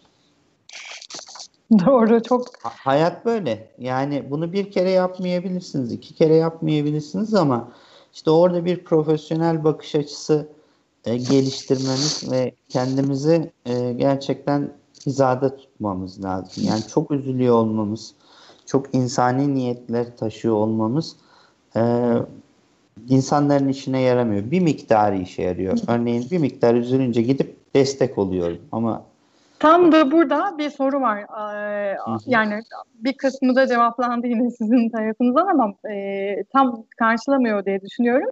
Güleren Nizamoğlu sormuş. Merhabalar. Belki sahada çalışanların karşılaştıkları çözümsüzlükler karşısında veya ikinci travma diye adlandırılan zor süreçlerle baş edebilmek için önerileriniz, önerileriniz ne olabilir? Zira mültecilerin yönlendirilmesinin ne kadar önemli olduğunu belirttiniz. Yönlendirmeyi yapanın tutumlarına dair dikkat edilecek noktalar neler olabilir? Yani e, karşılaştığı çözümsüzlükler karşısında ne yapabilir ve e, yönlendirme yapanın tutumlarına dair dikkat edecek noktalar nelerdir? E, ikincil travma diye adlandırılan zor süreçlerle baş edebilmekte e, bir diğer e, soru. Hocam ikincil travma var. E, hepimiz yaşıyoruz. Nasıl baş edeceğiz? Yani e, bu apayrı bir konu gerçekten. E, en azından şunu söyleyebiliriz bunu duymak birçok arkadaşımın hoşuna gitmeyebilir ama bu bir iş. Önce bunu kabullenmemiz gerekir. Yani işimizi yapıyoruz.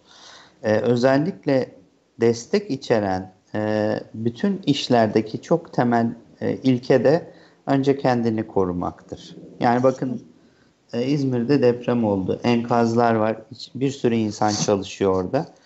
E, emin olun ilk ihtiyacımız olan şey o enkazlarda çalışan insanların güvenliği. Çünkü onlara bir şey olursa bir başka enkaza kimseyi gönderemeyiz.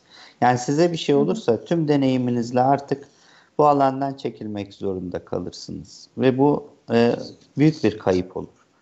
E, bir diğeri bu belki bir tek bu işe, bu alana özgü değil. E, gücümüzün sınırlarını gerçekçi bir şekilde bilmek ve kabul etmek. Yani hepimize sorsalar hepimiz savaşsız, kavgasız, dövüşsüz temel ihtiyaçlarımızın karşılandığı bir dünya isteriz. Ee, içinde çocuklar zarar görmesini isteriz. Herkes ihtiyacını giderebilsin isteriz. Ama böyle bir dünyada yaşamıyoruz. Dolayısıyla bu bizi müthiş bir duygusal baskı altına sokabilir. Bu alanda çalışıyorsanız çok büyük olasılık bu yönünüz de gelişmiştir. Hani e, tesadüfen burada değilsinizdir büyük olasılıkla. E, fakat bu gücün bir yerde e, sınırlandığını biliyoruz. Elimizden geleni e, yapacağız. Bütün kapıları zorlayacağız. Türkiye'de bunun en iyi formlarını sizler bilirsiniz. Birine bir protez lazımdır. Aklınızda vardır hangi kurumdan temin edebileceğiniz ya da o kurumun içinde kiminle görüşürseniz bu işi çözeceğiniz siz biliyorsunuzdur. Ee, hani ben bu alanda her zaman da çözene ulaşılamıyor ama maalesef. Bu, bu, bu bile çözemiyor bazen. Ee, bunun yıkıcı etkileriyle baş etmek de kolay değildir bir insan için. Kim olursa olsun bu alanda çalışsın çalışmasın. Ama her koşulda bizim bununla mücadele etmek için iş olduğunu, bir profesyonel bakış açısı gerektirdiğini, bunun dışında da kendimizi korumak için sosyal hayatımıza özen göstermemiz, duygusal hayatımıza özen göstermemiz gerektiğini e, herhalde bilmemiz gerekir. E, çok içe çekilme kötü bir sinyal. Özellikle işe başladıktan belli bir süre sonra. E, tamamen kendini hiç dinginleşmeyecek düzeyde meşgul etme çabası olumlu bir sinyal değil yine.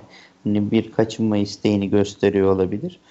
E, sporuyla, egzersiziyle, sosyal faaliyetiyle işin dışındaki alanı iyi doldurmaktan bahsediyorum. Çünkü birbirine fatura kesen alanlardır bunlar. Yani birinde canınız çok sıkkındır, ötekini perişan edebilirsiniz.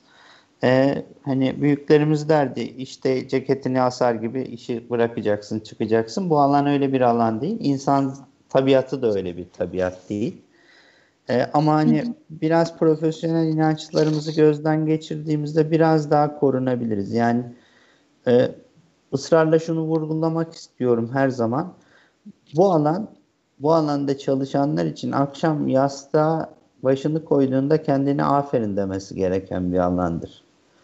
Ee, onun yerine şunu da yapabilirdim yapmadım niye gücüm hiçbir şeye yetmedi diye uyumaya çalışırsanız e, bir süre sonra gerçekten kendinizi hiç iyi hissetmezsiniz. Aferin dememiz gerekir ara sıra kendimizi çok samimiyetle yani Elbette Hocam eksikler olacak. sık sık yapalım bu yayını. Bu konuyu konuşalım sürekli hatta. Konuşalım. Ben bu konuda çok çalışıyorum gerçekten hani e, dilim döndüğünce. Mucizevi bir yöntem yok. Hani olsa onu söyleyeceğim. Ee, diğer stresli alanların hepsinde olduğu gibi kişinin aktif çabası olmadan olacak bir alan değil. Yani beni e, kurumum desteklemeli, iş arkadaşım desteklemeli, ailem desteklemeli ama ben aktif çaba sarf etmeliyim. Bana iyi gelenler, gelmeyenler, e, unuttuklarım, yapmadıklarım, e, eskiden yaptığım ama şimdi stresim nedeniyle kenara ittiklerim hepsinin dönem dönem hatırlanması ve çeşitlenmesi lazım. Belki çok somut bir öneride bulunabilirim. Somut görünümlü, soyut bir öneri. E, Birçok stres e, çalışması e, şunu gösteriyor stresi yönetmek için kullandığınız etkinlikleri ne kadar çeşitlendirirseniz o kadar e, yarar görüyorsunuz. Yani evet. bir yandan spor yapıyorsun, bir yandan kitap okuyorsun, bir yandan sosyalleşiyorsun, bir yandan kendi başına aylaklık ediyorsun. Bunların hepsini bir şey gibi düşünürsek, hani tek bir yere odaklanmayan, e, çok mükemmeliyetçi olmayan ama hani her yönümüze hitap edecek e, etkinlikler içinde bulunmaya özen gösterelim. Hani onu söyleyebilirim. Hı hı. Arada Bence çok, çok güzel bir görüntü oldu arkamda. Nur'un da hocam yüzünüze bize evet. bu güzel ipuçlarını verince alanda çalışanlara aydınlandık hep beraber. Ee, Aslında biz aydınlandık. Çok uzun size. süre konuşalım ve uygulayalım, e, izleyelim.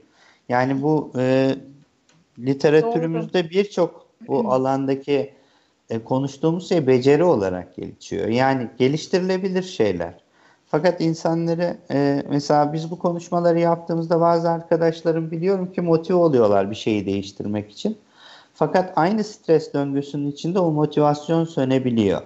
E, bazen bunu dışsal olarak başlatıp motive edip bazen süpervizyon desteği sağlamak ve belli bir süre e, rehberlik etmek çok kolaylaştırıyor insanların işini.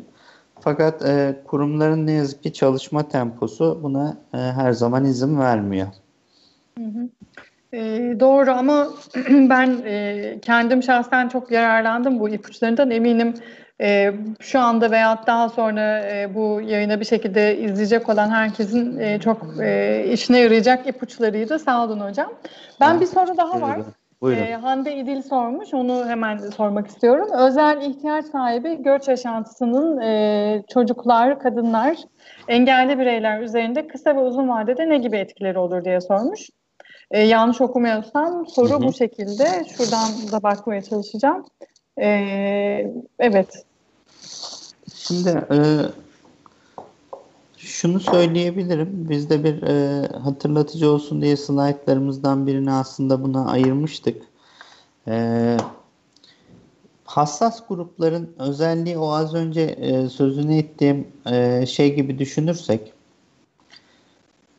ağaç metaforu gibi düşünürsek hassaslar yani belli yönlerden risklere daha açıklar. Ne bileyim işte engelli bireyi düşünün. Türkiye'deki engelli bireyin e, Türkiye'de yaşayan engelli bireyin zaten sıkıntısı hat safhada değil mi? O neredeyse 12 milyon engellimiz var.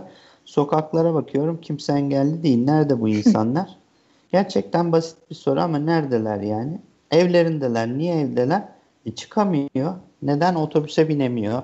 Metroya inemiyor. E, iki dakika otobüsün kapısı açık kaldı diye otobüse binemiyorsan çıkma diyen insan yaşıyor bu ülkede.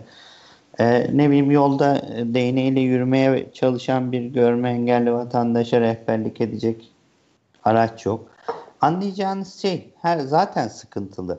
Şimdi bu insanların e, en büyük e, özellikle de hassas grupların niteliğine göre farklı farklı risklere maruz kalıyorlar. Örneğin engellilerin e, uyum becerisi çok düşüyor. Neden düşüyor? Çünkü uyum gösterebilmek için o ülkeyle temas halinde olmanız lazım. Fakat engeliniz nedeniyle bir yere çıkamıyorsunuz. E, akranlarınızla görüşemiyorsunuz. Hastaneye Hı. vesaire ulaşmanız güçleşiyor. E, kadınlar e, çok güçlüler. E, cinsiyet rolleri açısından çok baskılanmış yetişiyorlar. Bu ülkeye geldiklerinde e, aynı şey burada da devam ediyor birçok açıdan. E, öyle baktığınızda hani e, iş hayatına dahil olmaları, işlevselliğini korumaları açısından koruyucu birçok faktöre erişmekte güçlük çekiyor. E, kronik hastalar deseniz hani diyaliz hastası olduğunu düşünün. Üç günde bir diyaliz alması gerekirken haftalarca mesela bu e, hizmeti almakta güçlük çekmiş. Yollarda orada burada komalara girmiş. E, burada aynı şeyler var. Zaten büyük bir dezavantaj yaşanıyor. O dezavantajın üzerine işte bir yeni bir ülkede var olma çabası, e, özellikle de sosyoekonomik düzeyiniz düşükse, düzenli geliriniz yoksa, kalabalıklar içinde yaşıyorsanız, e, haklarınızı bilmiyorsanız e, bir sürü şey etkileniyor. E, ama bunların, bu insanların önce statüsünü Türkiye'deki ya da dünyanın gelişmekte olan birçok ülkesindeki benzer durumdaki insanların da ortak sıkıntısı zaten bu. Yani hı hı. E, sosyal devletin e, tam olarak e, bu insanlara erişemediği durumdan bahsediyoruz. E, o yüzden psikolojik sağlık açısından da riskleri çok e, yüksek.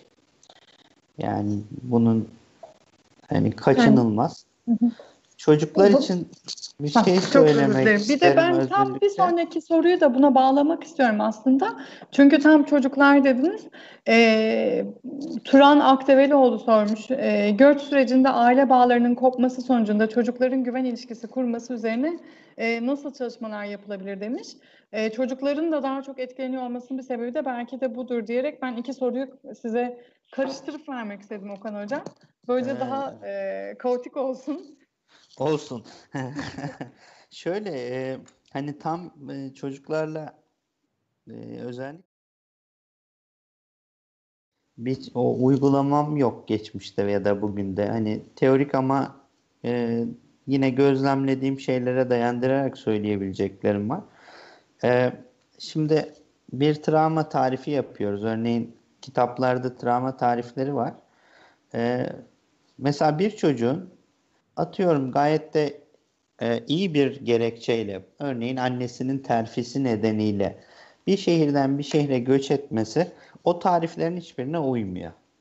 Fakat Hmm. biz bunu bir e, travma olarak değil de travma perspektifinden ele alıyoruz. Diyoruz ki tamam içinde belki yaşam tehdidi yok, uyum bozulması e, olmayabilir, ne bileyim ağır bir yaşantıya tanıklık yok ama bu kişinin hayatında çok ciddi bir değişim var ve e, henüz başa çıkma mekanizmaları yeterince gelişmemiş. Bu perspektiften bakarsak bazen e, özellikle çocuklar için e, hiçbir olumsuz yaşantı olmasa bile bir yerden bir yere göç ediyor olmak zaten geride bir sürü şey bırakmayı gerektiriyor. Örneğin ailesini bırakmış, yakınlarını bırakmış, sokak arkadaşını bırakmış, e, kapısının önünde bilye oynadığı alan varmış, onu bırakmış. Bunlar onların hayatında çok kıymetli şeyler. E, ve bun, bunu desteklemek e, her zaman çok kolay değil. Diğer taraftan da şu var. E, çocukların uyum becerisi yetişkinlerle kıyaslandığında çok yüksek. Çünkü çok elastik iyiler hala. E, şöyle diyeyim, e, bunun en iyi örneklerinden biri bence iç acıtıcı bir örnek. E, akut kriz zamanında Türkiye'ye gelen ergenlerimizin çoğunu e, eğitimde tutamadık. Eğitim sisteminin içinde. E, okula gönderdik. Okula gittiler. E, hani e, bir sürü yasal prosedür halledildi vesaire. Fakat e, örneğin öğretmeninin e, çocuk bir şey öğrenemiyor tavrından. E, örneğin arkadaşının onunla alay etmesinden en hassas olduğu dönemde e, bu çocuklar okula gitmeyi bıraktılar. Biz onları okula bir şey öğrensin diye göndermiyorduk ki. Yani Türkçe öğrensin, arkadaş bulsun e, istiyorduk. Ama orada bir performans engeline takıldılar. Bir ergen acımasızlığına takıldılar. Bir daha onları Hocam gönderemedik. bir de buna şey akran zorbalığı de, diyor diyen var. Yabancı düşmanlığıdır bu diyen var. Bu böyle çok e, çekişmeli bir konu aslında. Evet. Ee, bir de yine bir soru var. Onunla da bağlayacağım. Demiş ki e, Harun Bey galiba e, yanlış görmüyorsam e, Aile Bakanlığı, Göç İdaresi ve Sağlık Bakanlığı bünyesindeki ruh sağlığı çalışanları uluslararası göç ve travmaları hakkında yeterli bilgi birikimine sahipler mi? Saha uygulamalarını başarılı buluyor musunuz? E, bütün bu hani üç soruyu bir arada çocukların güven bağı, e, işte devlet şey illa devlet olmasına gerek yok. E, bu alanda çalışan pek çok profesyonelin e, yetkinliği e, de beraber hani değerlendirirsek herhalde ne, ne çıkar bilemedim ortaya. Ke- Kendimi çok bilen biri gibi hissettim şimdi. Halbuki öyle bir Ama şey. Yok, Biz hani Estağfurullah. çok Şu e, demek ki öğreniyoruz. De zaten so- ışık da var. Arkada ilgili- gölge oyunları da oluyor. Evet, Çok güzel şeyler oluyor. oldu. Ee, şu deminki soruyla ilgili şeyi cevaplayayım. Çocuklar dedim hızlıca uyum sağlayabiliyor. Mesela Türkiye'de doğmuş ya da çok küçük yaşta Türkiye'ye gelmiş çocukların dil derdi yok. Hatta e, Antep'te büyüdüyse Antep şivesiyle konuşuyor. Yani hani çok hızlıca bütün e, şeyleri hallediyor. E, uyum için gereken kaynakları hallediyor. E, çocuklar için çok temel olan şey güven tutarlılık ve çok hızlı değişmeyen, e, sınırları belli olan bir çevre. E, göç yaşantısının yarattığı en büyük sıkıntılardan biri ailenin, büyüklerinin bunlarla kendi sıkıntılarıyla uğraşmasından kaynaklanan biraz esnemiş ve denetimsizleşmiş ortamlar ya da güvenlik endişesiyle çok katılaşmış ortamlar. Yani çocuklarla ilişki kurmak düşünüldüğü kadar e, zor olmayacaktır güvenlerini sağlamak. Ama özellikle hani okullarda çalışan, okula gidiyor bu çocuklarımız. Okullarda çalışan e, psikolojik danışmanların, öğretmenlerin e, bu çocukların risklerini biliyor olması ve biraz gözleri üzerinde olması gerekir diye düşünüyorum desteklemek hı hı. açısından. E, çünkü onların yaşadığı zorluklar biraz farklı. E, daha zor diyemiyorum. Türkiye'de de çok zor yaşantılar var. Ama hani bu farklılığı da biraz bertaraf etmek için yetişkinlerin desteği çok kritik. Ee, diğer e, hani Sağlık Bakanlığı vesaire diğer devlet örgütleri ya da sivil toplum örgütleri arkadaşlar e, tam olarak emin değilim. Gördüğüm kadarıyla Türkiye'deki göç deneyiminden çok fazla şey biriktirdik. Bakanlıkların ve personelin gerçekten çok fazla deneyim var. Çünkü bu e, şöyle bir alan değil. Mesela e, göçle ilgili bir birimde çalışıyorsanız deneyiminiz e, çok hızlıca gelişiyor. Çünkü e, çok örnek var. Çok vakayla çalışıyorsunuz. Çok vaka yönetiyorsunuz. Çok kısa sürede çok fazla bilgiyi bir araya getiriyorsunuz. E, şimdi bu alan bilgisinin üzerine biraz daha yukarıdan acaba dışarılarda ne oluyor sorusuna da cevap aradığını biliyorum. Ee, örneğin göç idaresinin yasaları, e, yönetmelikleri etkilemeye çalışırken, uygulama yaparken bu bilgiden de istifade etmeye çalıştığını biliyorum. Ee, ama hani sistematik midir bu bilginin oluşumu ve gelişimi? Yani bakanlık bu bilgiyi sistematik olarak üretiyor mudur, arıyor mudur, aktarıyor mudur derseniz buna olanakları olduğunu sanmıyorum. Ee, yani şu anda bizim deneyimimiz elbette çok yüksek bu konuda Türkiye'nin. Hem afet deneyimi hem göç deneyimi çok yüksek durumda. Uzmanlarımız gerçekten bu konuda iyiler. Fakat eğitimin ve bilginin bir sonu yok. Yani e, ne kadar çok o kadar iyi alanlardan biri bu.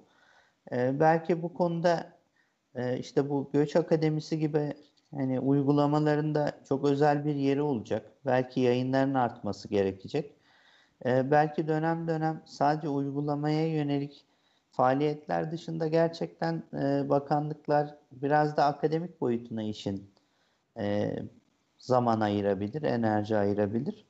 E, çünkü Türkiye'de yurt dışında ve farklı göç ortamlarında çalışmış da çok uzmanımız da var. Hmm, doğru. Evet. Yani Türkiye biz e, aslında bu e, SGD'de Göç Akademisi'ni e, kurarken en başta uzun uzun anlattım ama o kadar da uzun anlatmadım aslında Okan Hocam. Bir saat falan buluyor normalde anlatmak. Daha anlatabilirim. Gerekçelerden Öyle bir, bir bağlılık tanesi yok. Ne güzel. Ee, bir tanesi de tam olarak buydu. Ee, ortaya çıkarma gerekçelerimizden bir tanesi.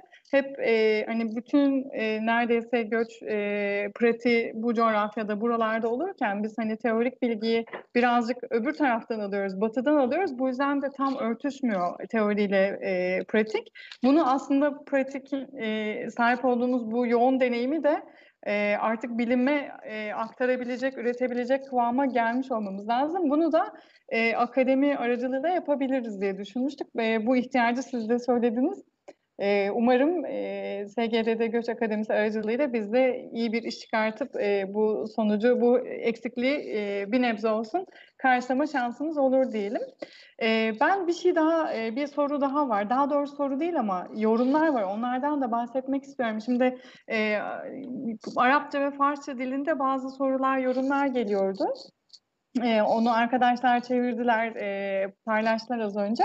E, pek çoğu e, Türkiye'ye teşekkür ettiğini söyleyen yer, e, mesajlarmış.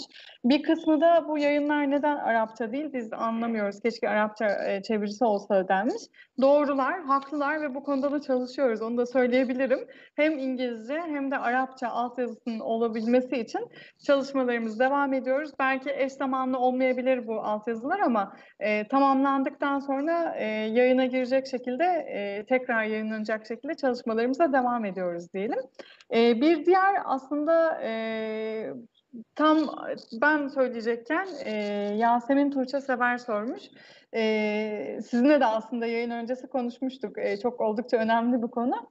E, sığınmacılarla birebir çalışan tercümanlar nelere dikkat etmelidir? Aslında e, hem e, tercüme etme teknik konusunda dikkat etmesi gereken hususlar olabilir ama Ondan ziyade bizim galiba daha çok e, dikkatini çekmek istediğimiz konu sizin biraz önce uzun uzun anlattığınız ve ipuçları verdiğiniz ikinci travmaya da yönelik en ağır on e, tercüman meslek grubundakilerin yaşadığını düşünüyorum. Çünkü hem kendi ana dilinde e, pek çoğu ana dili olmayabiliyor. Tercüman olmanın illa ana dili olmasına gerek yok. E, ama şu konjektürde ana dili oluyor genelde tercümanların çevirdikleri dil. Ana dilinde tekrar yaşıyor. Ee, ve tekrar tekrar deneyimliyor. Ee, bil, sizin de eklemek istedikleriniz vardır Okan Hocam. Yani ben e, gerçekten en çok endişe ettiğim grupların başında geliyor tercümanlar Türkiye'de bu işte. Çünkü bu e, arkadaşlarımızın birçoğu e, aslında sıkıntıyı beyan eden, sorunu yaşayan insanların içinden çıkma. Onlardan biri. O ülkeden geldiler. Kendi soydaşlarıyla ilgili şeyleri dinliyorlar, anlatıyorlar. Ve en önemlisi birçoğu profesyonel tercüman değil. Yani asıl işleri bu değildi o ülkedeyken. Ee, burada bu işi e, yapıyorlar. Dolayısıyla hani bir işin kendi teknik kısmını geçiyorum. Anlaşıyoruz neticede. E, ne yapıyoruz? Nelere hassasiyet göstermemiz gerektiğini söylüyoruz. Örneğin ben kendi çalışmalarımı yaptığım zamanlarda her zaman motomot çeviriler beklemiyordum ama tercüman arkadaşlardan özellikle şunu çok rica ediyordum. Ee, siz kendi ana dilinizde ya da daha iyi anladığınızı düşündüğünüz bir dilde bu çeviriyi yapıyorsunuz. Bazen ses tonundan, vurgulamadan, duraklamadan hani bana gündelik akıştaymış gibi gelen bir şeyden siz farklı bir şey hissedebilirsiniz, düşünebilirsiniz. O durumda bana lütfen bir e, bilgi verin e, diyordum. E, dolayısıyla hani neticede insan etkileşimi o ve o insanların katkılarıyla çok fazla hocam burada bir sıkıntı var gibi duruyor e, dediği yerleri e, kavrama şansımız oldu. Ama e, bir yandan düşünüyorum konuş bir hikaye anlatılıyor onun kendi şehri. Bir hikaye anlatılıyor onun benzer yaşantısı, kendi dili. Hı hı. Ne bileyim şey e, atıyorum şimdi gönlüm çok kırık dediğimde bu dildeki herkes bir şey anlıyor. Ve bu sadece e, beni kırdıdan farklı bir şey. E, tarif edemiyoruz ama hani farklı bir şey. Gönlüm kırık. E, çok yerel, çok kültürel bir şey.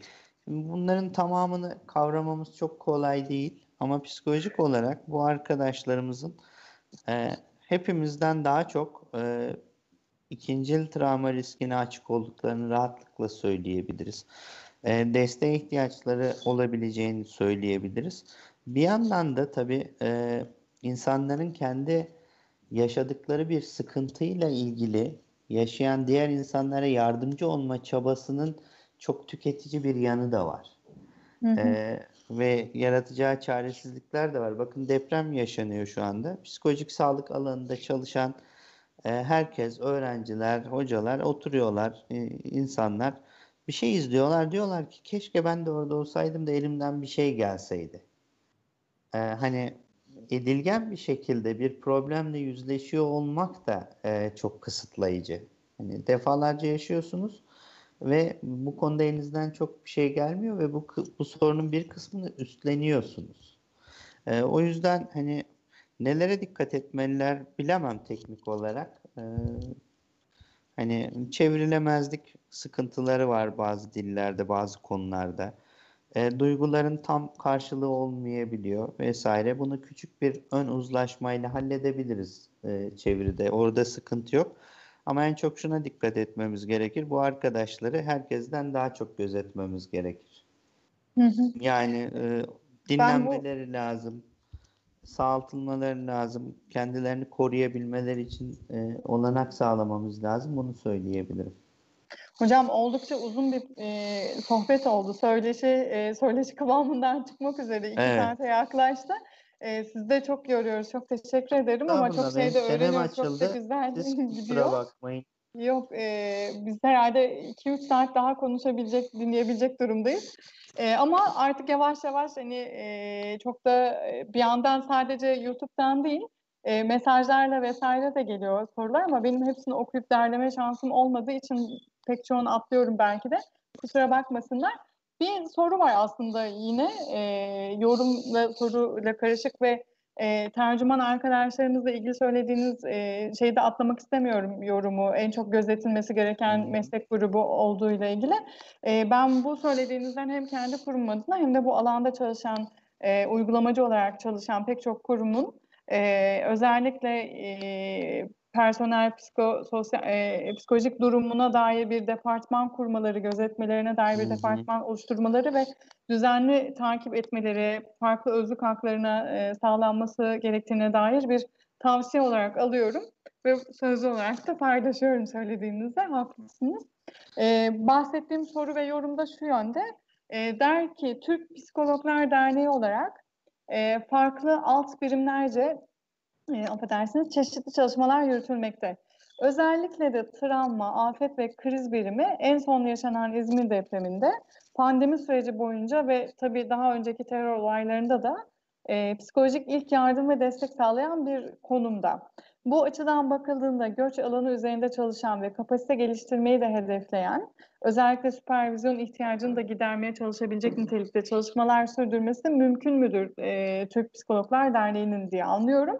Bu alanda hı hı. çalışan psikologlara yönelik ihtiyaç tespit çalışmaları mevcut mudur? Ee, aslında bu e, teşekkür ederim. Bu konuda bir İsim yok o yüzden var. ismini de bilemiyorum. Ee, paylaşamıyorum Olsun, ismini. Ben teşekkür ederim kendisine. ee, şöyle e, dernekte açıkçası e, travma afet kriz birimimiz var. E, göç alanında özellikle mülteciler ve sığınmacılar alanında da bir birimimiz var. Fakat e, dürüstçesi enerjimiz bunların hepsine yetmedi küçük grup olarak. Yani e, çok fazla krizle boğuştuk kendimizce. Yasal anlamda, işte eğitsel anlamda. Hani burada e, derneğimin sıkıntıları olduğu için dile getirmek ve vakit almak istemediğim şeylerle çok fazla şey yaptık. Bunu örgütleyemedik dürüstçesi. Ee, yoksa bu alanda çalışmış deneyimli bir sürü arkadaşımız var. Ee, belki burada biraz e, hani önümüzdeki dönemde sadece e, bizlerin bir şeyi organize etmesi değil de belki küçük küçük e, bu alanda çalışan arkadaşlarımızın e, örgütlenip bizleri dahil etmesi bile daha uygun olabilir. Çünkü e, biraz şey her yere yetişmekte güçlük çektiğimiz bir alan. Yani bunun farkı ne diyecekler? Haklı da olacaklar. Ama çok insani bir şeyden bahsediyorum. Gerçekten bunların hepsine enerjimiz yetmedi. Bu, bu da o arada araya kaynamış alanlardan biri. Çünkü dernek işlerimizin birçoğunu e, küçük bir yönetim kuruluyla yürüttük. E, travma, afet, kriz birimimiz daha köklü, daha eski e, ve farklı illerde yapılanmış, kendi içinde de biraz otonom çalışan bir birimimiz. E, dolayısıyla özellikle afet konusunda çok hızlı organize oluyorlar. Ama hani sürekliliği olan desteği sürekli sağlamamız gereken alanlarda e, daha çok çalışmamız lazım bir özel eleştiri olarak. Burada biraz da meslektaşlarımızın tetikleyici bir rol e, üstlenmesini isterim. Sadece meslektaşlarımız değil, bu dernek olarak bu alanda çalışan birçok arkadaşımıza hani öyle bir dışlayıcılık e, algılanmasın oluyor sosyal medyada. E, e, niyetimiz olmasa Hocam, da öyle medyada algılanıyor. her şey oluyor. e, Ayıklamak evet, onu, gerekiyor onları. Onu fark ettim ben. Bana çok küfür ediyorlar. Neyse. E, lütfen bu konuda biraz siz e, en azından bir küçük grup oluşturup net bir şekilde isteklerinizi e, belirtebilirsiniz. Belki küçük grupların ihtiyaçlarıyla e, daha bireysel düzeyde başlayabiliriz. E, daha sonra kendi aramızda örgütlenebiliriz. Ama bu önemli bir ihtiyaç. E, bu konuda biz yavaş Aslında... ve eksik kaldık. Arkadaşımız haklıdır eğer bir eleştiri getiriyorsa. Ben eleştiri gibi anlamamıştım da. E, ben şey, eleştireyim o zaman öyle. kendimize. Çünkü Siz yapabilirdik. Evet, şeffaf davrandınız bu konuda. E, ben eleştir yani okuduğumda eleştiri olarak anlamadım. Aslında bir ihtiyaçsa da güzel bir şey çağrı oldu sizden e, yana. E, böyle bir ihtiyaç var ve bu, bunun e, her iki anlamda ihtiyaç olduğunu düşünen alanda çalışan meslektaşlar veya çalışmayan meslektaşlar e, ra e, gelin birlikte yapalım gibi anladım söylediğinizi. Evet yani e, şey bir kurum var ortada fakat kurumun neredeyse tamamı gönüllülükle işliyor. Dolayısıyla e, hem insan kaynağımızda hem işlerimizin aciliyet derecesinde hızlıca değişimler oluyor. Hı hı. Belki bir hani denedik bunu geçmişte de e, başarılı olamadık. Özellikle göç alanında uzman eğitiminin projelerle yaygınlaştırılması ve bunların çok kristalize bir şekilde ilerlemesi yönündeydi. E, ama gelecek buna hala açık. E, her türlü bu çabaları desteklemek isteriz gücümüz oranında. Hocam çok teşekkür ederim. Ee, sizin bize sormak istedikleriniz var mı diye sorsam biraz. Ben e, sormak istediğim şeyler e, aslında yok. E, ama şunu söyleyebilirim. Gerçekten e, belki çok geç kalmış bir şeyi siz hayata geçirdiniz. E, bu anlamda da çok da titizleniyorsunuz yaptığınız şey. Çok teşekkür ederim.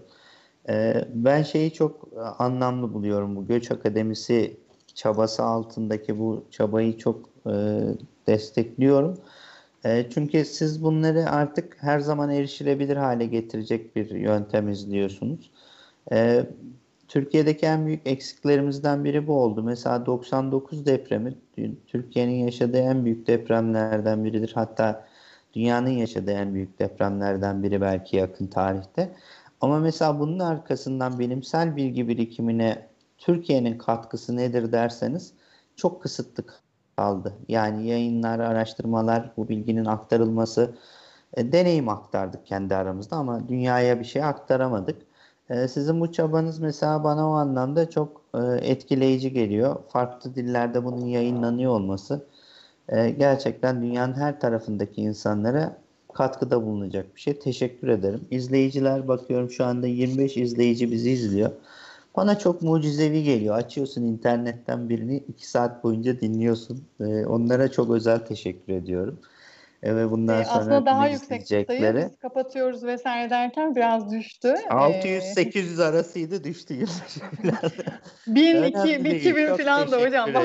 Herkese e, gerçekten bu çabayı çok e, anlamlı buluyorum. Bir de e, hani şeyi de söylemek isterim. Bu alanda çalışan e, arkadaşlarım var her yerde.